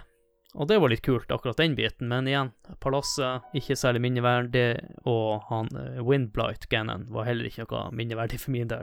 Bare snakke om starten der. Det var jo Når du skal opp dit Du blir Jo, jo, men du, eh, Og så er det jo når, når du skal inn til Divine Beast ikke sant? Det er jo litt krevende, sånn som det å surfe rundt på, på vannet og sånne ting. Og så Ja. det andre er at du skal snike deg og ikke bli sett. Her så blir du skutt av lasere som ikke Altså, når du, når du glider opp i lufta, og du er så langt vekke, og til og med så nærme som at du kan skyte Mm. dem De treffer deg ikke med en laseren, så lenge du bare går til høyre eller til venstre. Det, det er ingenting å si. Det, altså, blir du truffet der, så Ja, det skal ikke gå an å bli truffet, rett og slett. Jeg synes det er, Akkurat den biten her er så kjedelig, og det, det blir ferdig med, på en måte. For alle de her er også sånn at du må prøve å komme deg til dem, på en måte. Mm. Men, men uh, akkurat den biten syns jeg var litt kul, da, men selve palasset og alt det andre der, det er forglemmelig. Og så har vi den siste, som vi var innom i stad, med at du måtte til den ninjaplassen. Eh, det syns jeg var kult. Det var det kuleste med spillet, for min del. Eller noe av det kuleste med Mm. spillet. Og der er jo den store sky... Nei, sjiraffen, var det. ja, kamel. kamel, kamel, var det. Ja. Og den heter jo Va Naboris. Divine Beasten Van Naboris. Og så har du Thunderblight Gan Ganon. Han ga meg litt fight, faktisk. Og den ene støtta. Han, Ja, det er en vanskelig boss, faktisk. Det er det, det, er det jeg syns det her er forskjellen. er at eh, Du starta med den. Nei, nei, eh, jeg gikk faktisk eh, Sora, eh, og så var det Death Mountain, Gerudo, og så var det, mm, det Ruto Village. Ja. Ja, Fuglene. eh, Helt til slutt. Så Grudon her var min tredje. På andre gjennomspilling så var det min andre, fordi den power-upen som Eller den Den, den, den krafta som du får av å ta den Divine Beasten, den- den er kraftig, altså. Det der eh, Thunder Strike-greiene. Jeg, jeg, jeg, jeg husker ikke navnet på det, men det, det er i hvert fall blitt brukt av både mot Death Mountain og eller eh, Fireblight Gan og Windblight Gan. De eh, dør på 1, 2, 3 så fort du har den, den oppgraderinga der, da. Så eh, Men den kampen er også Jeg har hatt en del game over på den, for å si det sånn. Og jeg husker at det ble en eh, halvtime, time seinere grunn av det, det Divine Beastet der. Det Ja. Vi har jo uh, Hyrule Castle og Ganon-fightene. Og her synes jeg at spillet tar seg opp. Jeg liker musikken når du for og går i den uh, Hyrule Castle, og at du må snike deg inn. Det har, jo, uh, det har jo vært det som har vært målet hele tida, vet du. sant? Det er jo som Kristoffer sa tidligere, det er liksom Disney-slottet som står der i midten og lyser opp, og du kan se det fra mange kanter, og du vet at du, du skal Mm. en eller annen gang, sant? etter hvert så skal jeg inn der, og skal vi gjøre dette her greiene. Eh, og det er jo en borg, sant? Eh, og, òg mange liksom måter å komme seg inn på, ha krinkler og kroker og hemmeligheter og hemmelige rom. Eh, det er veldig mye, mye som skjer der. Mm. og jeg føler den dag i dag, og det er gjerne fordi at jeg kun har spilt spillet en gang, at jeg ikke har liksom fullstendig oversikt over hele det slottet der. Eh, og, og fordi at det, du, må, du må snike deg ganske mye, sant? for det er jo vakter og ting som skjer overalt. Du har sånn flygende helikopter og, eh, og alt som er etter deg. Og sånn søkelys, er det ikke det òg? Jo, jo, det er jo de her eh, Guardians og sånne ting som du må passe på der, for de er jo i flere former der. Flyvende og ja, kanoner, du har de løpende, du har jo alt mulig. Um, men én ting var for meg der, det var Jeg sto ved den ene fjelltoppen. Det er en sånn veldig sånn spiss fjelltopp som er rett ut forbi ved retning eh, Lost Woods, og da svever jeg over. Og så begynner en musikk så faen ikke Altså, det, det, det, det ligner ikke noe annet som har vært i spillet Mm. inntil da. Og så kommer jeg inn i slottet. Jeg bare eh, Jeg kan ikke forlate dette stedet. Så jeg gikk jo egentlig bare rundt der, og, og det, det var sånn um, Ja, når jeg gikk inn der, så gikk jeg rundt og eksplora litt, grann, og så var det egentlig gå og bossen. Jeg, jeg klarer ikke å gå ut, for den der musikken er bare så Ja, det, jeg vet ikke. Det var bare noe som fanga meg. Det, men det er jo liksom det, sikkert det òg som gjorde at jeg hadde, jeg hadde lyst til å gjøre så mye som overhodet mulig før jeg gikk inn der. For jeg visste òg det at liksom, hvis med en gang jeg går liksom over den muren og beveger meg inn mot det slottet, så tror ikke jeg jeg heller klarer å snu. Da, da kommer jeg til å runde spillet. Uh, da kommer jeg til å liksom gjøre meg ferdig med, med, med den delen av det. da. mm. så, så jeg brukte veldig veldig lang tid og måtte holde meg litt igjen. For det var mange ganger jeg bare hadde lyst til å bare ah, OK, nå kjører vi på, nå tar vi det. Og så måtte jeg tvinge meg sjøl til å Nei, jeg må bare gjøre dette først. Det var bare den fjelltoppen der oppe. Der var det bare sånn Det er, det er en bakke nedover, og så er det vannet, og så er det slottet. Jeg bare mm, Fly. ja. Men jeg syns jo også bossen i, i, i slottet da er kul. Ganon-basen, Clemety Gannon. Ja. er kanskje Ja, det er den kuleste bosskampen, synes jeg, i hele spillet. Ja, det kan jeg vel si meg enig i. Jeg er jo ikke så Jeg syns jo de andre er ganske forglemmelige, så Men, men Ja. Gan, Gan, sjøl er jo uh, the big bad, Uh, så han uh, Han får mye plass til å, til å skinne. Og det, det skal han jo gjøre. Det Ja. gjør han jo egentlig i hvert eneste Mm. spill. Jeg føler alle Alle vel, Veldig ofte, iallfall, at Gan-bosskampen i Zelda-spill er- stikker seg ut da, på en eller annen måte. Men eh, når du nevner å stikke seg ut, så synes jeg at siste fasen av Ganon i spillet her er dessverre kanskje noe av det dårligste jeg holdt på å si i alle Zelda-spill jeg har spilt. Tenker du når han blir den svære grisen? Grisen Ja, det går ikke an å daue der, du bare Han er ikke kul heller, og jeg, føler at du spiller en cutscene. Ja, jeg skulle akkurat si kanskje at du føler det er litt sånn filmatisk, på en måte. Det, det, det er som du sier, du kan ikke dø. Det, du, du skal gjøre det, og så Eller jo, kan, kan du dø, egentlig? Du kan sikkert dø, men jeg, jeg dauer ikke, så Nei, nei, nei, nei, nei ikke, ikke jeg heller. ja, jo, jeg, jeg skjønner hva du mener, men eh, jeg synes det var ganske episk og kult, det, altså. Rett og slett. Ja. Jeg, jeg synes det ikke var det.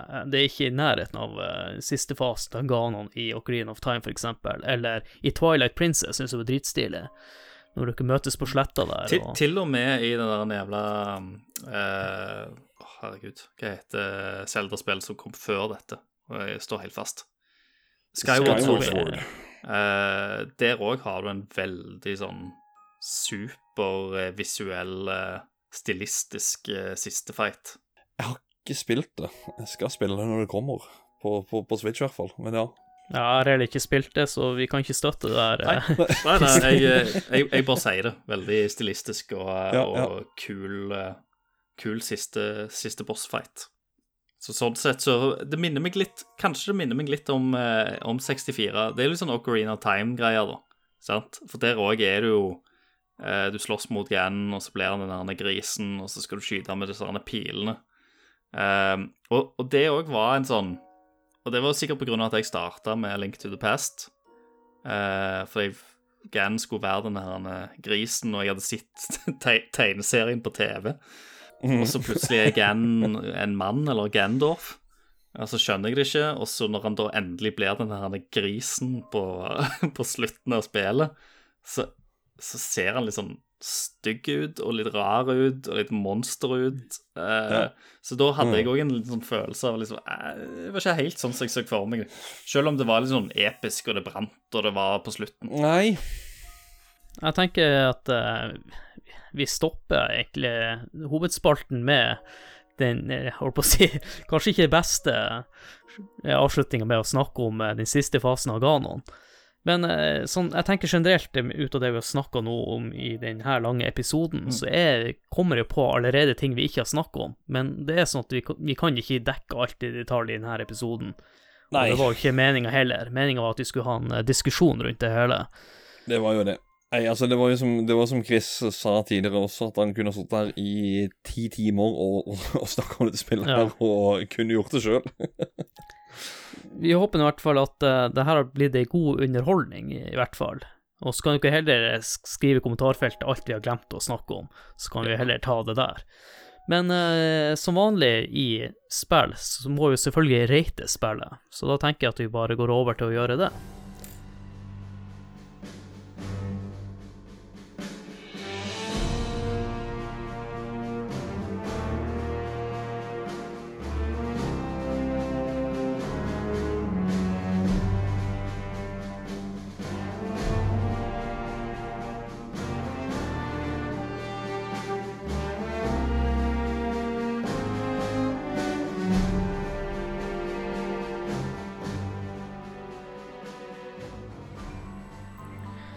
Da skal vi rate Zelda Breath of the Wild. Og som vanlig så bruker vi karakterskalaen i Nintendo-bladet til han eh, Håkon, der vi bedømmer spillet Ja. Ja. Der vi eh, bedømmer spillet ut ifra en skala fra 1 til 10, og bedømmer de her fem punktene, da. Grafikk, lyd, spillkontroll, underholdning og holdbarhet. Og vi kan jo begynne med Kristoffer sine poeng, da, som han Håkon skal presentere. Så hva ga han Kristoffer eh, på grafikk? Ja, før han rei av gårde på Epona, her, så skøyt han en pil med en napp, og det var holy smokes. og på den lappen så sto det grafikk. Der ga han eh, ni av ti. Ja, det er jo ganske høy score, og eh, Christer Uh, jeg er jo uh, egentlig enig i Kristoffer sin score der. Eh, han skal ikke Han når, når ikke helt toppen, men det er jo et nyd, eh, ingen tvil om at det er et nydelig spill å se på. Eh, og jeg eh, varma veldig opp til den selvshadingen etter hvert som jeg bare kasta meg ut i Breath of the Wild, så en nier fortjener det absolutt. Og det positive nå at det slo ikke Selda Link to the Past allerede.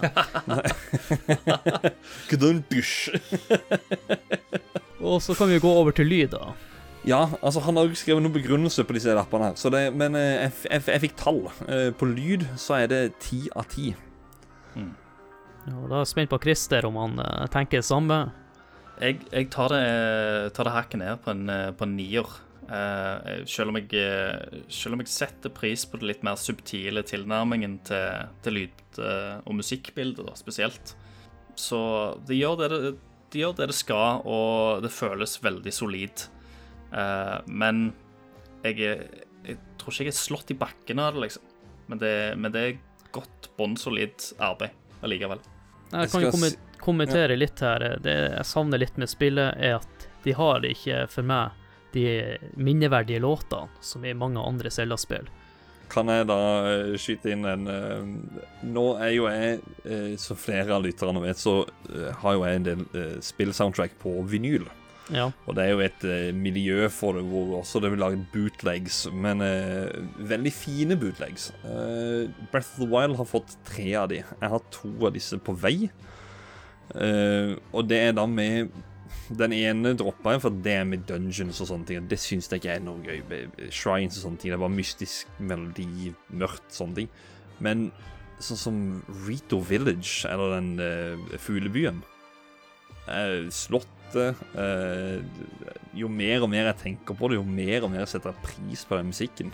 Eh, skulle jeg ha gitt en eh, score, så hadde jeg gitt den på en sånn ja, Kall det 9,5 eller annet. Jeg hadde, tatt den ganske nesten til topps. Men, men det er litt den dystre greiene. Det, bare, det tar litt liv av det, men Eh, Misforstå meg rett, jeg ville jo gitt det på lyd 8, men det når ikke helt opp. Men det er jo lenge siden jeg har spilt spillet, da. Og, men da tenker vi bare går over til spillkontroll. Hva ga han Kristoffer der? der ga han 9 av 10. Der tror jeg jeg skal være enig med Kristoffer. 9 av 10. Det er solid uh, kontroll. Uh, jeg liker jo ikke disse her eh, touch, uh, holdt på å si, de gimmickene med bevegelsessensor og sånt. Eh, det vil jeg ha Ja. meg frabedt i mine spill. Så jeg, jeg trekker de bare på trass. på grunn av implementeringen av sånne ting. Ja, nei, men jeg er helt enig. Jeg, jeg skjønner absolutt. eh, Det, jeg, hadde sagt akkurat det samme. Så kommer det til underholdning og eh, Jeg kan jo bare si han Kristoffer har jo sagt ti. Jeg er enig i at det er ti der. Det er det. Og du Christer, er du enig med oss? Ja, absolutt. Det er jo det er jo et spill som skiller seg ut i Zelda-serien. Og det er jo sånn det, er jo, det, det som var utrolig gøy med det, var jo at når du, du trodde du kjente Zelda, du trodde du visste hva du kom til å få, og så bare ga det en helt totalt ny opplevelse. Det føltes litt sånn friskt og deilig.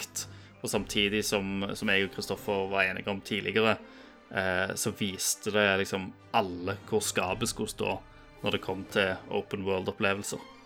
Og til slutt så har vi jo holdbarhet. Eh, Hva hadde han Kristoffer satt der? Der har han sittet ti av ti. Ja, en liten kommentar er jo at jeg tror at det spillet her blir holde seg av den stilarten de har valgt. Ja. Den blir ikke død like fort ut som mange andre top notch-spill. Enn du, Christer, hva du tenker der? Nei, eh, det er litt vanskelig å si, men eh, jeg, jeg er enig med liksom resonnementet med at stilen vil hjelpe det. Eh, Jeg har òg sett hvordan det ser ut på emulert og oppskalert på PC. Eh, Og der eh, får du òg lov til å liksom blomstre. Eh, Og jeg, tror- jeg, jeg tror jeg kaster meg på en tier, jeg, eh, der. Ja. Mm. Jeg tror ikke det er så dårlig, for jeg ser at Metacritic-scoren til spillet er på 94 av 100, og jeg tror vi ligger rundt der, vi òg. Ganske nære på. Men jeg ser, jeg ser jo også at dette her er jo et av For at disse altså, spillene som vi går igjennom for å ha disse ratingene, skal jo inn på en toppliste som vi leser opp på slutten av året. Det gjorde vi på Game of the Year-episoden. Og jeg ser på tallene her, det er jo bare niere og tiere, så det ligger veldig høyt oppe. Og det kan ligge til Jeg spår topp tre, i hvert fall. At det, det er der. Så vidt jeg kan se med rask hoderegning, så får du 95 av 100, så Ja. Rett over metakritikk. Ja, det er bra. Yes. da tenker jeg jo at eh, du skal få lov til å pitche podkasten vår, Håkon. Thank you.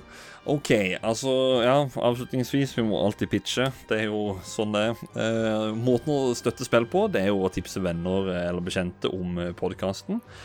Eh, jeg må også si inne på iTunes, om du har lyst til å gi en rangering der, så har du satt veldig pris på det. Fordi det hjelper oss til å nå ut til nye lyttere. Og så må dere veldig gjerne joine vår spill Discord-community, eh, både på Facebook og på Discord. Er, på Discord er det en god gjeng som eh, prater sammen hver bidige dag og spiller masse spill i helgene og alt. Eh, Facebook er det en post her og en post der. Og så må dere gjerne ta og sjekke ut merch-shoppen som vi har. Det er shop.spreadshirt.no slash spall. Sjekk ut den, og for hver T-skjorte du kjøper med en herlig spillogo på, så støtter du med sånn 30-40-50 kroner. Og det er med og driver podkasten videre, da. Ja. Så tror jeg ikke det er mer å si enn det. Eller? Nei. Det er alltid, det er alltid spørsmålet. Er, er, er, er, det- er mer enn det? Er det mer enn det vi skal si? Eh, vi har holdt på i over to år nå, og vi sliter fortsatt med den her Så da kan vi gjøre noe som er litt enklere å gjøre, og det er å si tusen takk for at du ble med igjen, Christer. Jo, det er alltid hyggelig å være med her, Adrian. Jeg koser meg masse, og vi snakker jo om bare bra spill. Så da er det jo bare en glede. Ja, vi kjører ikke akkurat Angry Video Game Nerd her, så. Og nå har du- er blitt eh, Zelda-kongen, så nå er du jo bundet til å være med på alle Zelda-episoder Ja, fremover. det er bare til å sende en melding.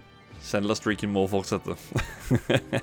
Og så vil jeg også igjen si tusen takk til Kristoffer, som ble med og dessverre måtte legge seg litt tidligere enn oss.